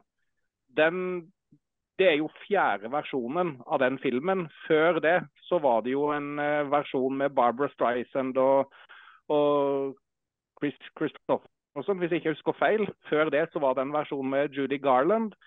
Mm. Jeg synes eh, jeg, Selv om jeg synes jeg, har- jeg har ikke sett den første originale fra 30- eller 40-tallet, men, men jeg har sett liksom de tre andre, de der rebootene. Så, og jeg syns de er gode, så syns jeg det var noe med den måten Bradley Cooper gikk i, i kjelleren på der på slutten som jeg syntes var helt fantastisk skuespill. Det var sanger jeg likte bedre, selv om i den forrige, hvor det var Barbara Streisand altså, Man skal være tonedøv hvis man ikke skjønner at Barbara Streisand er en bedre sanger enn Lady Gaga. Så syns Ja. jeg allikevel så syns jeg allikevel den versjonen der hadde mye mer nerve. Og det er mye takket være Bradley Cooper i, i hovedrollen, måten han gikk i kjelleren der på. Pluss at det er fine sanger. Altså, vi liker alle 'Shallow', håper jeg. Ja, altså jeg skal innrømme at jeg ikke har sett filmen, men jeg har hørt uh, sangen, og den uh, syns jeg var veldig fin. Så jeg, jeg, det er en film jeg har hatt i bakhodet veldig lenge, og i, når du nevnte det her nå, så begynte det å eh, altså fikk meg til å tenke ok, kanskje jeg skal sette på den eh, når vi er ferdig med innspillingen her. eh, fordi den har jeg tenkt på veldig mange ganger at jeg gjerne ville ha sett, og jeg følte at jeg var litt sånn humør til en sånn type film, film nå. Så kanskje jeg rett og slett skal ta og se Star is Born eh, i kveld. Eh, mens jeg, det er den første, første og eneste kvelden i hele sommer, tror jeg, hvor jeg skal sitte helt alene eh, utover kvelden. Så kanskje det er en god anledning for å slenge opp den. OK, da var vi tilbake på meg, da. Uh, nei, det var vi ikke. Jo, jo, det var vi. Ja. Sindre, Roy, Emanuel, Sindre. OK, bra.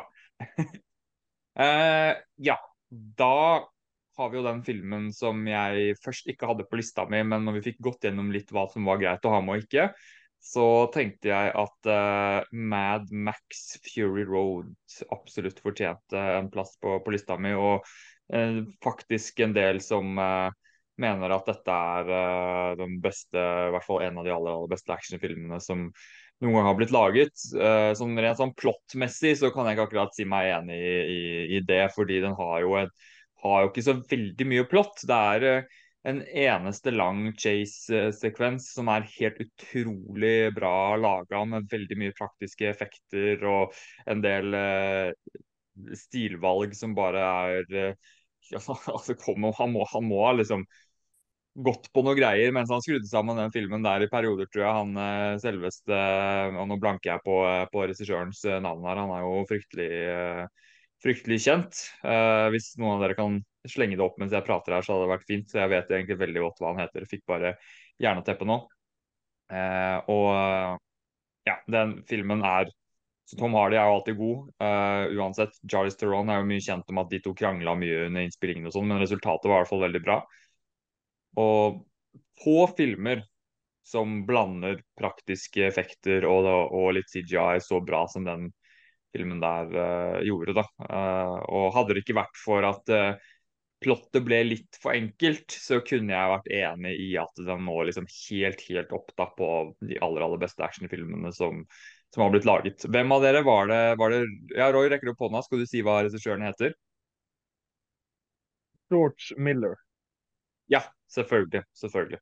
Og det er jo en, en av grunnene til at det har tatt så lang tid før man får noe mer av det, er vel at det var en del sånn rettssakting og mye greier som skjedde knytta til den uh, første filmen. Uh, ellers så tror jeg det hadde kommet mer uh, allerede. det kommer jo en, en, en ny film der som er en prequel knyttet til Charlize Theron sin karakter. Bare at det er en, en annen skuespiller som spiller, da, siden det skal være Furiosa, som filmen heter, før den filmen da når hun er ganske mye yngre. Så det, det, kan bli spennende, selv om jeg tviler litt på at den kommer til å nå helt opp til den Mad Max-filmen. Var det du som ikke hadde sett den, eh, Roy? Ja. Ikke jeg heller. Mm. Har ikke du heller sett den? Nei. Å oh, gud bedre meg. Da, nei, altså det er Mye jeg ikke har sett òg, men den filmen der er på en måte såpass storslagen og underholdende at det, det sjokkerer meg at ikke dere har sett den. Men jeg tror kanskje det sier litt om uh, hvor uh, undervurdert den filmen kanskje er. Uh, ikke, kanskje ikke undervurdert, fordi jeg tror de fleste som har sett den, setter veldig pris på den, men at den kanskje ikke har fått helt den oppmerksomheten som den fortjener. Da. Så, så der syns dere skal gjøre dere selv godt å, å, å ta, den, ta og slenge opp den en gang, hvor dere har tilgang på en, en god TV med, med, mye lyd. Den er jo såpass, såpass god visuelt at de til og med satte den opp nylig på, på Imax i, i, Oslo, når det var en sånn bitte liten mellomperiode hvor det ikke var noen andre Imax-filmer, så, så, slang de opp en spesialvisning av den. Så den, ja, den, den, må dere rett og slett bare se, altså. Det, det er en grunn til at mange mener at det er en av de beste actionfilmene gjennom tidene. Så det, der har dere gått glipp av noe, gutta. Jeg misunner dere at dere kan få oppleve den for, eh, for første gang. Det er, det er, rett og slett galskap. Altså det, er, det er definisjonen av galskap, den filmen. Bare se de første ti minuttene, så skjønner dere hva jeg mener. Ja. OK, det var eh, Hva sa du, Emanuel? Den skal sjekkes ut. Jeg har den liggende for å se den. Ja, det må du, det må du få gjort, altså. Det var min nummer tre.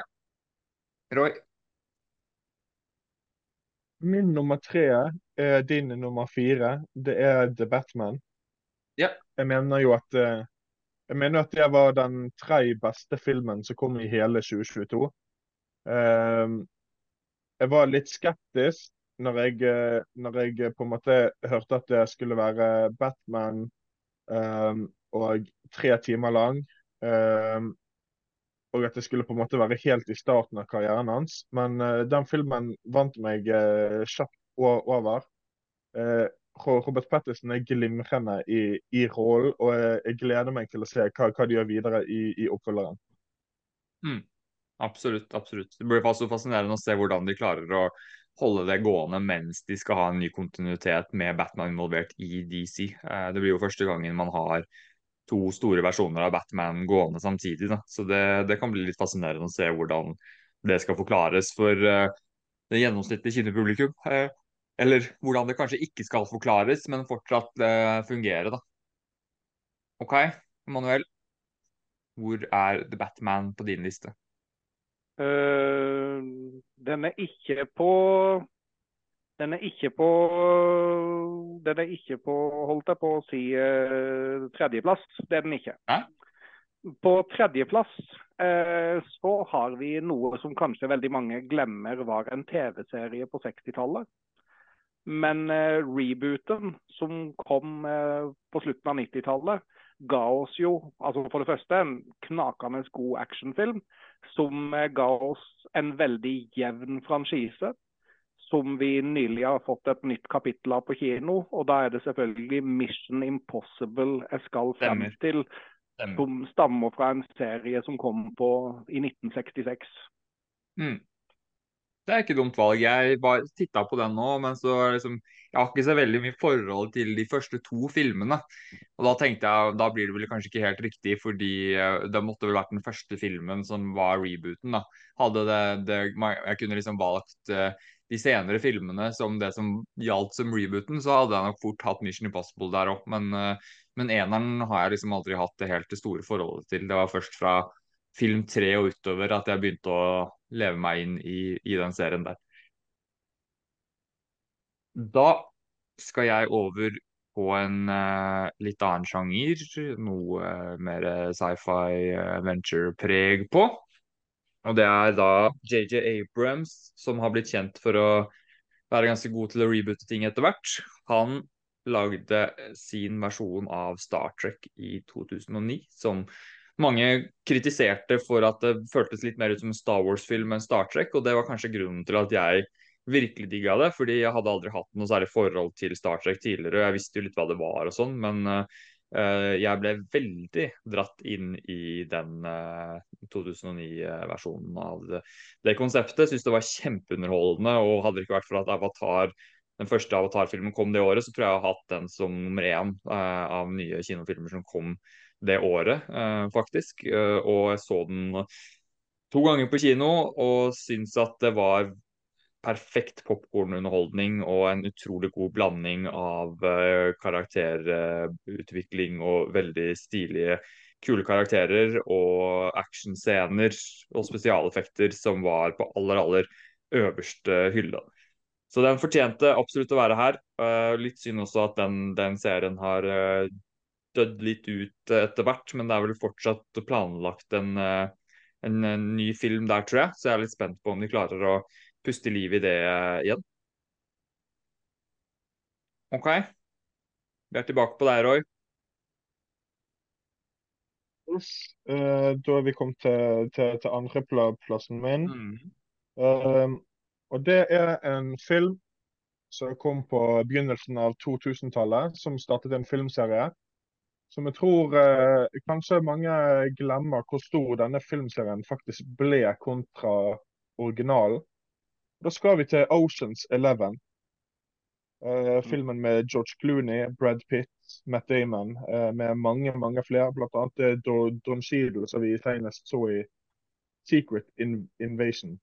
Um, jeg kan huske liksom at 13-filmen, altså Oceans 13 kom mens jeg gikk i syvende klasse.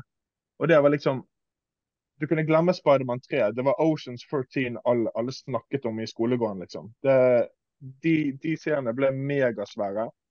Hadde de det beste plottet? Nei, det, det vil ikke jeg si. Men uh, jeg vil tørre å påstå at de var meget underholdende, alle tre.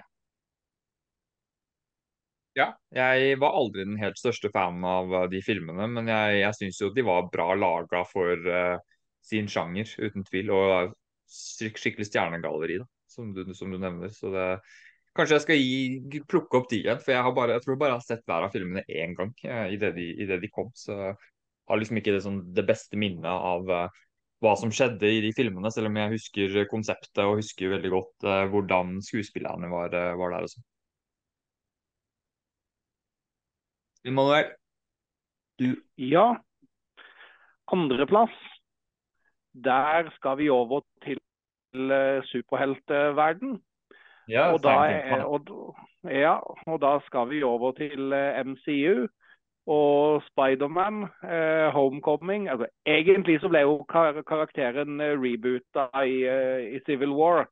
Men, ja, ja. Du fikk, men du fikk jo den første Homecoming-filmen. Og jeg ble litt sånn satt ut av hvor mye hjerte det var i den filmen. Det fikk liksom veldig mye av den samme feelingen som jeg fikk av en god del av de gode filmene som jeg så på 80-tallet. Så, så, den syns jeg, jeg, var herlig. Jeg likte at de ikke gjorde det til en origin story. Jeg likte faktisk at de kutta ut hele Uncle Ben-greia. Det trengte ikke. Vi har sett det to ganger før. Eh, pluss at vi har lest det mange ganger. Så jeg vil si Spiderman Homecoming eh, den eh, fortjener å være på min andreplass. Ja, ikke et dumt valg i det hele tatt. Som sagt, jeg hadde jo på min honorable mention. Så det fortjener å, å, nevnes med gode reboots. Og som du sa, veldig, veldig kult at de Eller kult, altså det virker veldig åpenbart, men det er, lett å liksom falle i den fella og bruke den mest kjente versjonen av fortellingen. Og det å da velge å gå i en litt annen retning, det, det var litt modig, og det, og det funka kjempebra. Så det, det også satte jeg veldig pris på med, med, den filmen. Og du trengte liksom ikke å drive og komme med noen sånn veldig god forklaring på hvorfor det var annerledes. Det bare var annerledes, og det funka. Da trenger vi en liten eh, pause til, ja. før vi kommer med vår eh, kåring av den beste rebooten gjennom tidene. OK, da skal vi eh, finne ut av hva som er de beste rebootene som har blitt gjort gjennom tidene. Og jeg var vel egentlig ganske kjapt enig med meg selv med hva som fortjente å være på førsteplass. Og da skal vi nok en gang tilbake til uh, Batman og Christopher Nolan sin uh, første Batman-film i 2005, 'Batman Begins'. Og det var første gangen jeg virkelig, virkelig ble engasjert i, i uh, The Cape Crusader. Jeg hadde likt Burton sin første film.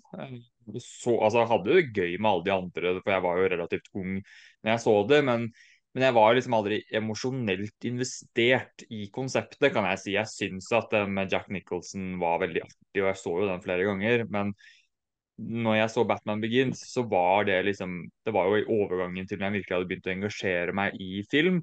Og, og var litt mer interessert i de litt mer seriøse fortellingene på film. Og det var jo en utrolig bra blanding av en eh, bra dramafilm med mange ja, man kan kalle det liksom psykiske lag. da, altså Man går veldig inn i psyken til, eh, til Bruce Wayne helt fra barndommen og, og, og, får veldig mye kjøtt på beinet i forhold til motivasjonen hans videre.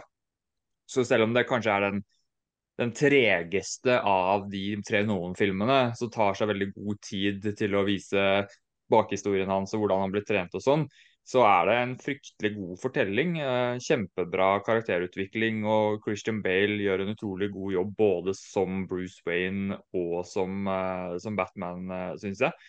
Og så har du selvfølgelig Liam Neeson, som er en av mine favoritter, og, og, gjør jo en kjempegod rolle, som er jo en sånn både en mentorrolle og en villainrolle, hvor du får liksom the best of both worlds, syns jeg, fra Liam Neeson. Da, hvor jeg hadde jo vært veldig glad i han i flere år på det tidspunktet som mentor i Star Wars, og fikk jo veldig sånn vibes fra det de første to aktene av filmen. Og så litt sånn sjokk over at han plutselig ikke var med lenger, men så var han plutselig med igjen, og var plutselig, plutselig var han bad guyen. Så det husker jeg likte den tvisten, spoilers, eh, veldig godt. Eh, og ble introdusert for eh, et soundtrack som eh, fortsatt en dag i dag er veldig høyt oppe på eh, de soundtrackene jeg hører mest på og liker best, selv om de ikke klarte å komme helt opp på den soundtrack-kåringa vi hadde sist. Så eh, Batman Begins synes jeg fortsatt er den beste eh, sånn starten på en Batman eh, man har fått på film, selv om jeg liker både The Dark Knight og The Dark Knight Rises enda litt bedre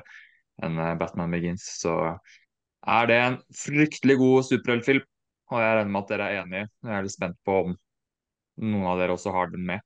Eh, for jeg blir litt, litt småskuffa hvis den ikke engang er på topp fem hos uh, noen av dere. Så Roy, kan du uh, tilfredsstille mitt behov for å se den bli anerkjent? Jeg, jeg, kan ikke det, for jeg har funnet en reboot som er enda bedre enn den. Oi! Eh, og re rebooten min, som jeg har på førsteplass, altså, den, den oppfyller liksom det som alle rebooter sitt mål er. sant? Og Det er jo også å ta en film og gjøre den enda bedre på alle mul mulige måter. Og da har vi Dune. Dune eh, synes jeg er 100 ganger bedre i, i versjonen som kom i, hva var det, i 2021, enn eh, enn en den versjonen med Sting. da. Jeg eh, tror Emanuel kan være ganske ja, enig i det. Kjære tid, ikke sett meg i gang på den 84-versjonen eh, av Dune, altså. Du, Roy, jeg må bare stoppe deg nå, fordi, stoppe deg nå, fordi nå skulle jeg til å bli veldig irritert på deg fordi du ikke hadde Batman Begins. Og så ender jeg opp med å bli veldig irritert på meg selv istedenfor, fordi jeg innså først nå at Dune er jo selvfølgelig en reboot som jeg kunne hatt med på lista mi, men det tenkte jeg ikke over. For jeg har aldri sett den første filmen. Og for meg så er det en adapsjon av en bok, og ikke en reboot av den første filmen. Men, men selvfølgelig så kan man klassifisere det som det òg, når man har hatt en tolkning tidligere. da. Så den hadde vært øh, Hadde vært ja, Jeg tror kanskje ikke den hadde tatt Batman Begins. Jeg tror det hadde blitt nummer to øh, for meg. Og Dune hadde vært på andreplass. Så bare sånn at det er sagt. hvis, hvis den fortsatt teller. Da hadde jeg bumpa ut Casino Royal faktisk og kjørt, kjørt den inn der. Så forståelig at den er på førsteplass, men ikke forståelig at Batman Begins ikke er på lista engang, fordi den er bedre enn bedre enn både Spiderman Homecoming og The Batman. Men fortsett, Troy. Jeg skal ikke ta over showet ditt. Nei, jeg var, jeg var jo en, egentlig ferdig det jeg, sendte den over til uh, Emanuel der. Men uh... OK, ok, greit. Emanuel, det er, din, det er din tur. Men du, nå, nå, må du ha Batman Begins her, altså. Jeg har dessverre ikke det. Og det er fordi at eh, Og det er ikke fordi at jeg ikke synes det er en god reboot, Batman Begins. Men det er fordi at Altså avstandene mellom den siste Batman-filmen, altså Batnipples, holdt jeg på å si, altså Batman and Robin til Batman Begins, er så store at det er en, at det er en litt unfair fight, eh, synes jeg. Men jeg har The Batman til Matt Reeves på min førsteplass. Okay. Fordi at det var Batman-filmen som jeg følte at jeg trengte. Mm. Uh, jeg, jeg, synes jeg, jeg, har det som min favorittfilm med Batman. Rett og slett fordi at jeg fikk Batman i en litt annen versjon. Vi fikk Batman som detektiv, og det har vi ikke fått på film før. Og Han er jo regna som the world's greatest detective, og da når vi først får det på film, og det er en film som egentlig ikke er en superheltfilm, det er en episode av Criminal Minds på, på steroider, slik jeg ser det. Ja. Så, så, og jeg syntes det var så awesome. Og når de klarer å legge inn en Nirvana-sang i soundtracket, og så gir det mening i en Batman-film, da føler jeg de har truffet ganske bra. Så The Batman på min førsteplass. Ja. Den er jo på min òg, så jeg kan jo ikke klage så veldig over det. Men jeg er fortsatt skuffa over at ikke Batman Begins eh, kommer inn her. fordi For meg så er den fortsatt bedre enn eh, enn The Batman. Men uh, det er jo ikke sånn at alle kan være enig med meg hele tiden, da, dessverre. Selv om jeg gjerne skulle likt å være han som satt på det som var på en måte fasiten. da, Hva som er riktig innenfor film. Det tror jeg det er veldig mange som, som uh, føler på. Men nei, ja. Er Emanuel. Ja. ja, nei, altså det kan godt være at, det kan godt være at Batman Begins kunne ha kommet med på den, på den lista hvis ikke det hadde vært for, for The Batman. Men det mm. som, er, det som er det paradoksale her, er jo det at de tre til Nolan er veldig, veldig bra. Uh, men hvis man ser på den forrige serien, hvis man later som om den med Val Kilmer og den med George Clooney ikke eksisterer, så hadde før det egentlig Batman Returns med Danny DeVito som eh, Penguin egentlig som min favoritt-Batman-film. Ah, ja. Så, men eh, hvis man, tar, hvis man tar og ser på kontinuiteten fra Batman and Robin, den med George Clooney, så er det jo klart det at da Ja. Da er det jo er det en, en bedre reboot. Ja, der er det veldig, veldig stort sprik. Mm. Men, jeg, men jeg, jeg, tror kanskje vi har tenkt på det litt sånn forskjellig nå. fordi jeg har ikke nødvendigvis tenkt på liksom, hvor stor kvalitetsforskjellen er fra den forrige versjonen. Jeg har bare tenkt sånn hvor bra er den filmen individuelt sett. og Det er sånn jeg har tenkt på det. For når du tar Star Trek f.eks., så har jo ikke jeg sett noe særlig av de tidligere Star Trek-tingene. Så jeg tenkte bare på hvor bra den var, eh, og at det var en reboot. Så det er, det er litt annet perspektiv, det du sier der, da. Men, uh, men, jeg skjønner jo på en måte at man kan da tolke ting på en litt annen måte hvis man velger å se på liksom kvalitetsøkningen fra, en ting til en annen, da. Men uh, da var vi jo egentlig eh, ferdig. og vi hadde i hvert fall mye Batman, da, alle sammen. Så vi kan være enige i at Batman har jo hatt god nytte av å bli reboota, og mange franchiser som egentlig har det. Så det er ikke noe man trenger å være sånn veldig negativ til hele tiden. Altså selv om det kanskje er litt sånn litt for økt, altså litt for mye hyppighet da, på noen reboots. At man kanskje litt sånn unødvendig ofte gjør det. Uh, men det er jo liksom, ja, det er jo noe studioene er avhengig av for å fortsette å generere penger. Og mange av de uh, filmene man har fått som er mer eksperimentelle og originale, er jo filmer som ofte studioene kan lage fordi de har noen sånn trygge kort hele tiden som de klarer å tjene penger på. Så det er, det er viktig å huske når man liksom debatterer det store bildet i Hollywood og hvor pengene går og sånn, at hvis man er veldig glad i de litt smalere filmene, eller, eller f.eks. Nolan sine filmer, da, som er et resultat av at studio valgte å ta sjansen på han gradvis og sånn, hadde man nok ikke fått det hvis ikke han f.eks. reboota Batman først da, uh, for dem, og så kunne man gi han plutselig masse penger til å lage andre ting. Emanuel har noe å skyte inn med. Ja, altså reboots uh, altså, Det er jo mange som ikke tenker over at f.eks. Scarface er en reboot, altså er en remake av en annen film som ble laga på, på 30-tallet. Men eh, det som jeg kommer til å tenke over, er at her i Norge så er det veldig mye sterke følelser rundt eh, reboots. Jeg husker det var vel i forfjor når det ble lansert at de skulle lage en ny Olsenbanden-film. Mm. Så ble det jo, ble det jo eh, ramaskrik til den store gullmedaljen og masse mennesker som, som eh, boikotta det. Som ikke skjønte hvordan man kunne gjøre sånt. Men eh, det er jo noe som har blitt gjort kjempelenge. Og jeg synes den Olsenbanden-filmen fikk kanskje litt mer pepper enn den fortjente. Men vi gjør det i Norge òg. Og vi får det jo til jul med ny Skomakergata-film også. Å oh, ja. ja. Det hadde, jeg helt glemt. Tror du har nevnt det før. Rei, men. 'Reisen til julestjernen' har jo blitt reboota. Vi lagde en norsk versjon av 'Tre nøtter til Askepott', så vi gjør det jo i Norge også. Ja, men så lenge de ikke endrer på hudfargen til noen karakterer, så er det helt greit. Er det ikke det noen sier? det jo da, det, det, var veldig jo. populært med John Carew, holdt jeg på å si, som uh, som uh, Benny. Som Benny.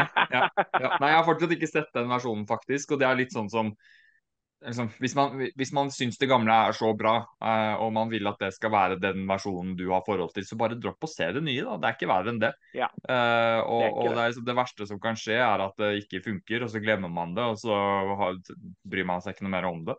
Og det beste som kan skje, er at det er kjempebra, og det tilfører noe nytt, og har noe nytt å komme med. og så hvis man syns det er teit og man vil at det gamle skal være det mest populære, da blir det litt sånn da, da, blir det på et veldig sånn personlig plan hvor man bare skal være vanskelig og tenke at ja, men det var det jeg likte når jeg var liten, og derfor så vil jeg ikke at noen andre skal kunne like noe annet enn det. Det blir sånn, det blir veldig egoistisk, egoistisk tankegang, eh, syns jeg. da. Så det, Reboots er bare greit, og det er en naturlig del av, uh, av, hvordan bransjen er skrudd sammen. og Det betyr ikke at man trenger å like alle eller se alle i det hele tatt, men det er litt den prisen man må betale for at uh, ting skal gå rundt. Så, sånn er det rett og slett. Så lenge de gjør det bra, så må de bare gjøre det. Hvis de har som en intensjon å gjøre det, og gjøre det bra, så er det greit. Jeg skal gi uh, den nye Karate Kid-filmen som kommer i desember neste år, en sjanse.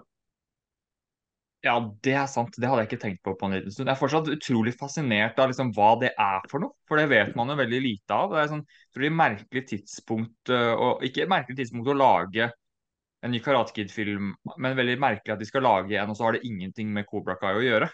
Uh, det, hvis det stemmer, det syns jeg er sånn absurd, rett og slett. Uh, og at de har liksom da sett at OK, Cobra Kai funka, det er litt i vinden igjen.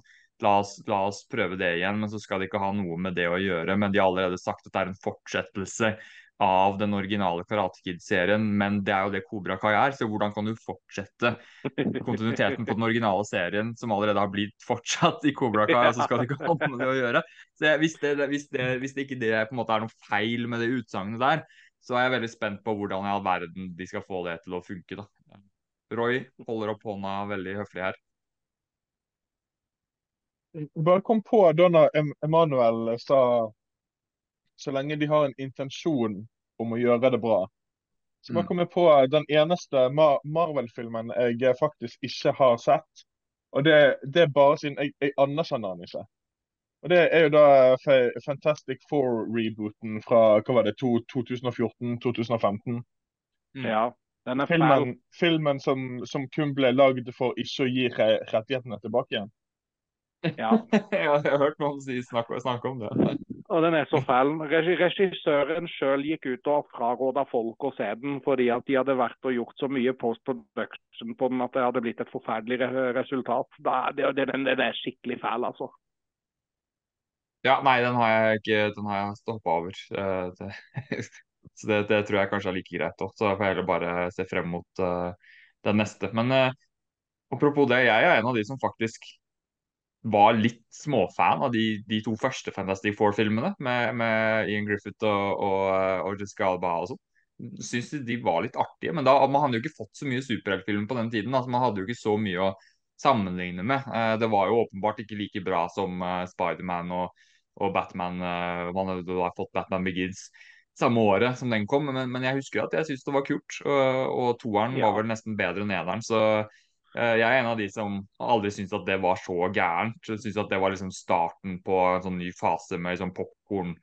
Uh, underholdende med mye humor og, og sånt. da. Uh, synes jeg allerede da at Chris Evans var veldig underholdende uh, i den superheltsjangeren. Ja, ja, ja. Så jeg har aldri skjønt meg helt på de som, som snakker om de som så fryktelig fryktelig ræva. For det, det syns jeg ikke. De mangla lite grann, men det var god underholdning, syns jeg det var. Roy igjen. Ja, jeg, er, jeg er helt med, med deg på, på, den Fantastic Four-serien som var på midten av 2000-tallet. Mm. Um, etter jeg så den første, så ble faktisk Tingen favorittsuperhelten min. Mm.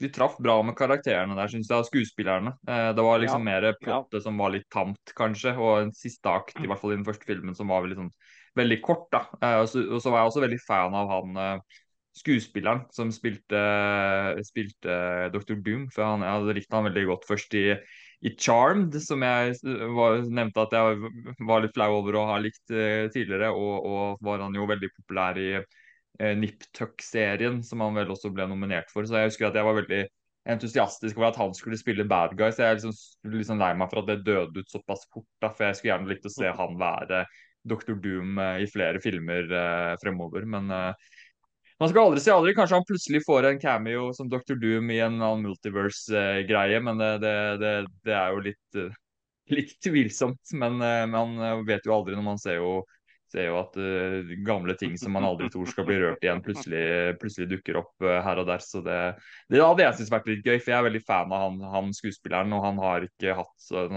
så veldig mye Altså han har fortsatt en karriere, men det har liksom dødd ut litt etter at Niptuck-serien slutta og, og, han ikke, ikke slo gjennom helt i den uh, første Fantastic Four-filmen. Så, så, gjerne at Jul Julian uh, McMahon, som han heter vel, får, en, får et comeback som Dr. Doom med, med, i en rolle som er litt bedre, bedre skrevet og bedre utført. Roy rekker opp hånda enda en gang, han. Da vil jeg anbefale deg å se The, The Runaways. OK? Jeg, eh, altså det, det, det, det, er kanskje åpenbart for lytteren på hvorfor, spesielt hvis man har sett serien. Men uh, det dukker kanskje en skuespiller opp der. OK. Ja, det er bra, bra, bra at du nevner det. Okay, da, skal jeg, da skal jeg sjekke. OK, greit. Ja, da har vi jo ikke sånn voldsomt mye mer å ta tak i i dag. Vi skal vel avslutte med noen uh, anbefalinger, men vi må jo gjøre en ting her som uh, vi har gjort hver gang etter at vi har laget en sånn liste. Og Det er jo at vi må kåre en vinner av hvem som har den beste lista mellom oss. Uh, og det er da den som vinner, får jo da velge tema for neste gang. Så vi må ta da bare en kjapp sånn recap av listene våre. Jeg kan gjøre det først. Jeg hadde jo da eh, jeg hatt eh, jeg hadde På førsteplass hadde jeg Batman Begins. Andreplass hadde jeg Star Trek. Så det er Mad Max Fury Road. Eh, og så hadde jeg eh, eh, nå, nå, blanker jeg litt her. Jeg hadde The Batman. Og så hadde jeg Casino Royale. Men jeg hadde jo hatt Dune hvis jeg kunne, hvis jeg hadde tenkt på samme måte som dere. Så spørsmålet er om jeg nå skal bumpe den inn og endre lista mi. Er det, er det fair at jeg gjør det nå, eller er det for seint? Nei. Nei, jeg kan ikke gjøre det? Her òg, du er enig? Jeg kan ikke gjøre det nå? Nei, jeg, sy jeg syns at det, det, er for, for seint. Det er for seint? OK, ja. det er helt greit. Det er helt greit. Da da står det som det står. Batman Begins, Star Trek, Mad Max Fury Road, The Batman og Casino Royale. Roy, du hadde På førsteplassen min så hadde jeg Dune. Andreplassen Oceans Eleven. Tredjeplassen min var The Batman. Fjerdeplassen var Spiderman Homecoming. Og femteplassen min var 21 Jump Street. Hmm. Immanuel. Ja, jeg hadde på førsteplass The Batman. Så hadde jeg Spiderman Homecoming. Så hadde jeg Mission Impossible. Så hadde jeg A Star Is Born. Og så hadde jeg 21 Jump Street.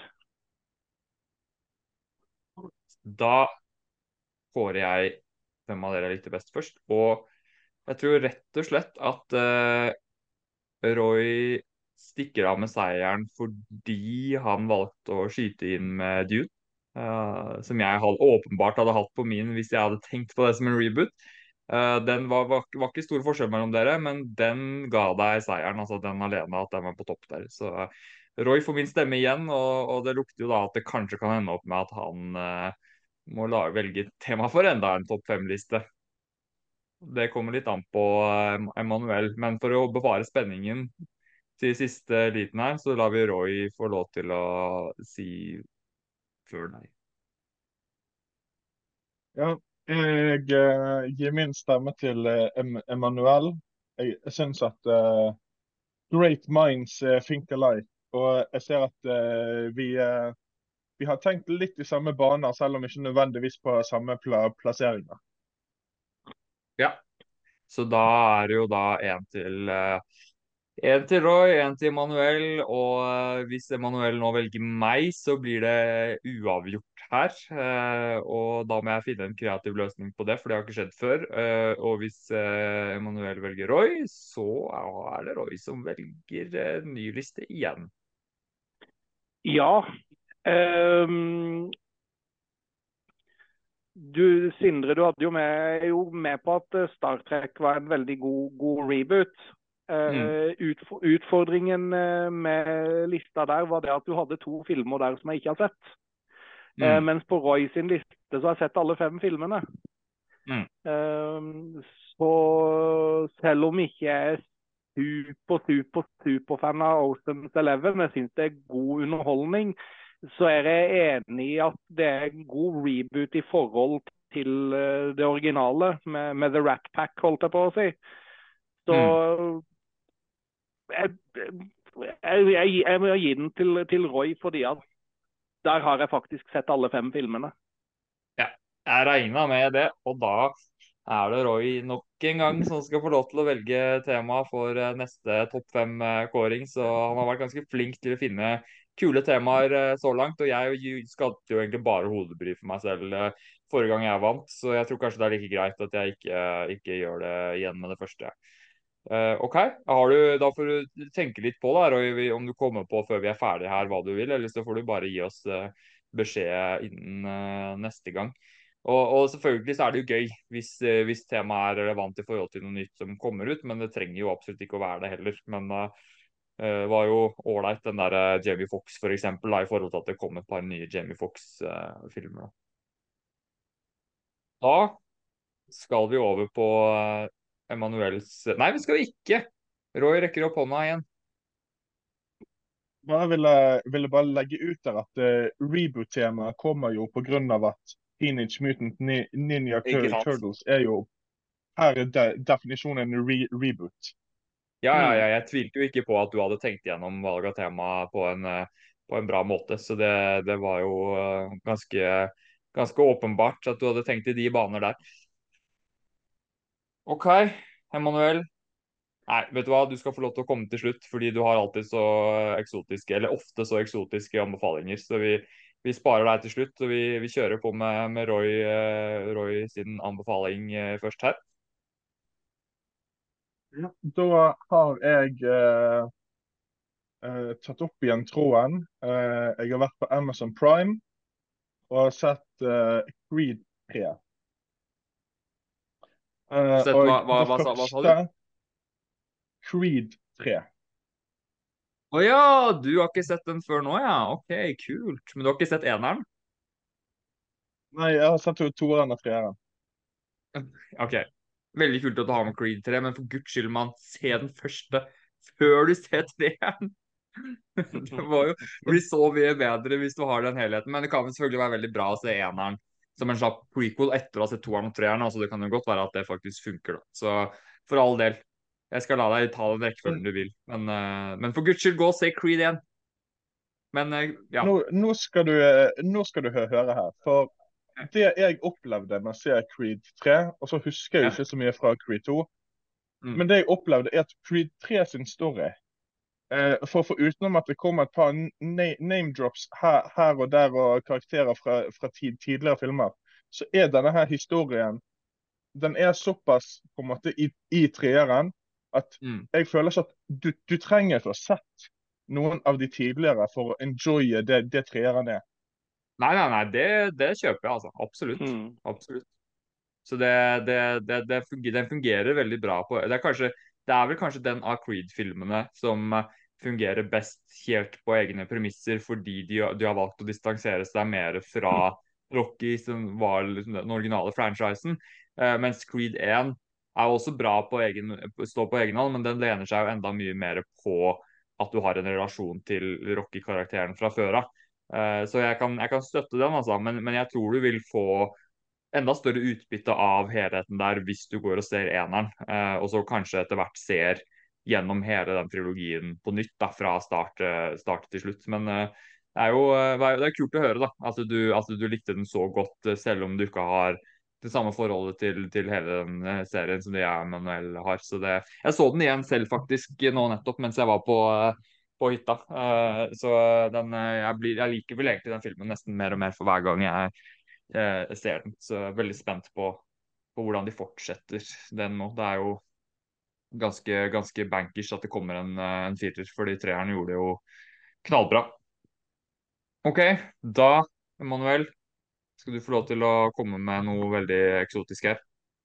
Ja, jeg vil egentlig ta to ting her som jeg egentlig vil koble litt sammen her. Fordi at 25.8 eh, så kommer jo på kino Jesus Revolution, som jeg allerede har vært så heldig å få se. Mm. Uh, og I den forbindelse så, så vil jeg trekke frem uh, først uh, en serie. Første sesongen ligger på Netflix. og så kan du se resten på å laste ned en egen app. Det er helt gratis. Det, det, men det er en serie som heter The Chosen.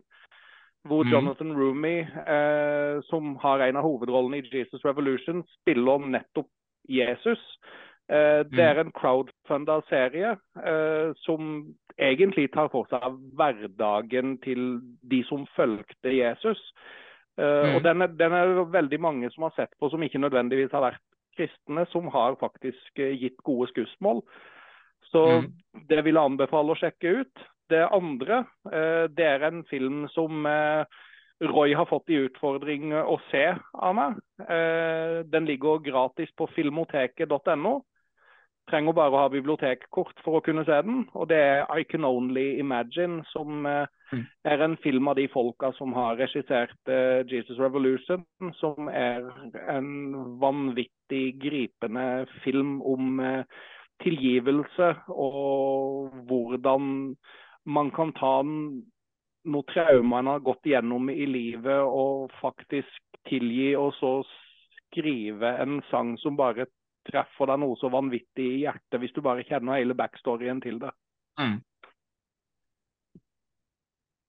Ja, nei, du skuffer, eh, du skuffer sjelden, altså, eller egentlig aldri med anbefalingene dine. Så begge de to er noe jeg ikke har, eh, jeg har hørt så vidt om, men jeg har ikke testa det ut. Så det er enda noe nytt uh, som jeg kan notere meg fra alle de tingene du har satt, uh, sagt som er spennende. Så det, nå har jeg en veldig god, uh, god liste med anbefalinger her som jeg kan gå til når det ikke er noe annet. Men nå ligger jeg dessverre litt langt bakpå da, på, på veldig, my veldig, mye aktuelt som jeg ikke har fått sett ennå, som må prioriteres først. Så det blir en sånn uke en annen gang når jeg plutselig ikke har noe å gjøre eller ligger og har influensa eller noe sånt. Men jeg kan drive og komme meg gjennom alle de gode anbefalingene som du og Roy har kommet med. Men uh, jeg har to anbefalinger selv, og egentlig tre, da. Fordi jeg må bare skyte inn med at eh, dere må se Mad Max Fury Road. Så det er liksom den første anbefalingen min til dere. Og hvis det er andre der ute som hører på som ikke har sett den, for det er virkelig en helt fantastisk uh, actionfilm. altså Måten den er utført på, det er bare så utrolig bra. Uh, med stuntsa og praktiske effekter og alt mulig. Så det, det er helt nydelig. Uh, en film som bare ruller av gårde med galskap. kan ikke kan ikke forstå hvordan, hvordan, de egentlig klarte å lage filmen sånn som de gjorde. Liksom det, er, det, er, ikke noe annet som ligner på det. Så det det er ganske unikt. Jeg tror det bare fins kanskje to-tre regissører i verden som hadde klart å lage lage noe sånt som det der. Så det, det er uh, noe vi håper, jeg håper vi får mer av. Uh, hvert fall, I, hvert fall, hvis det er utført like bra. Da. Så takk for nå igjen, eh, gutta. Alltid superhyggelig. og vi hadde jo egentlig randopen her for lenge siden, før jeg begynte å liksom, skulle dra inn en konkurranse på, på, slutten her. Så jeg har jo reklamert for Patron allerede, så det trenger jeg ikke å gjøre igjen. Uh, men vi er jo da på YouTube uh, under navnet Jurassic Starlords, hvor vi gjør veldig mye forskjellig, eksperimenterer litt med ting og tang. Og så har vi en uh, podkast som du hører på nå, som heter Filmnytt, som vi da legger ut både på YouTube, men også på Spotify og en hel haug av andre podkasttjenester. Så hvis du er på en annen podkasttjeneste, så er det bare å søke opp Filmnytt og se om vi er der. All right. Da ses vi igjen om noen ganske få dager, gutta. Og dere får bare fortsette å holde trøkket oppe og gå på så mye kino dere klarer. Og det tror jeg ikke dere har noe problemer med. Så jeg er veldig spent på The Meg 2 og høre hva dere syns om den eh, når vi nærmer oss slutten av helgen. Da, da sier vi takk for nå til Emanuel Aarøy. Takk for nå. No.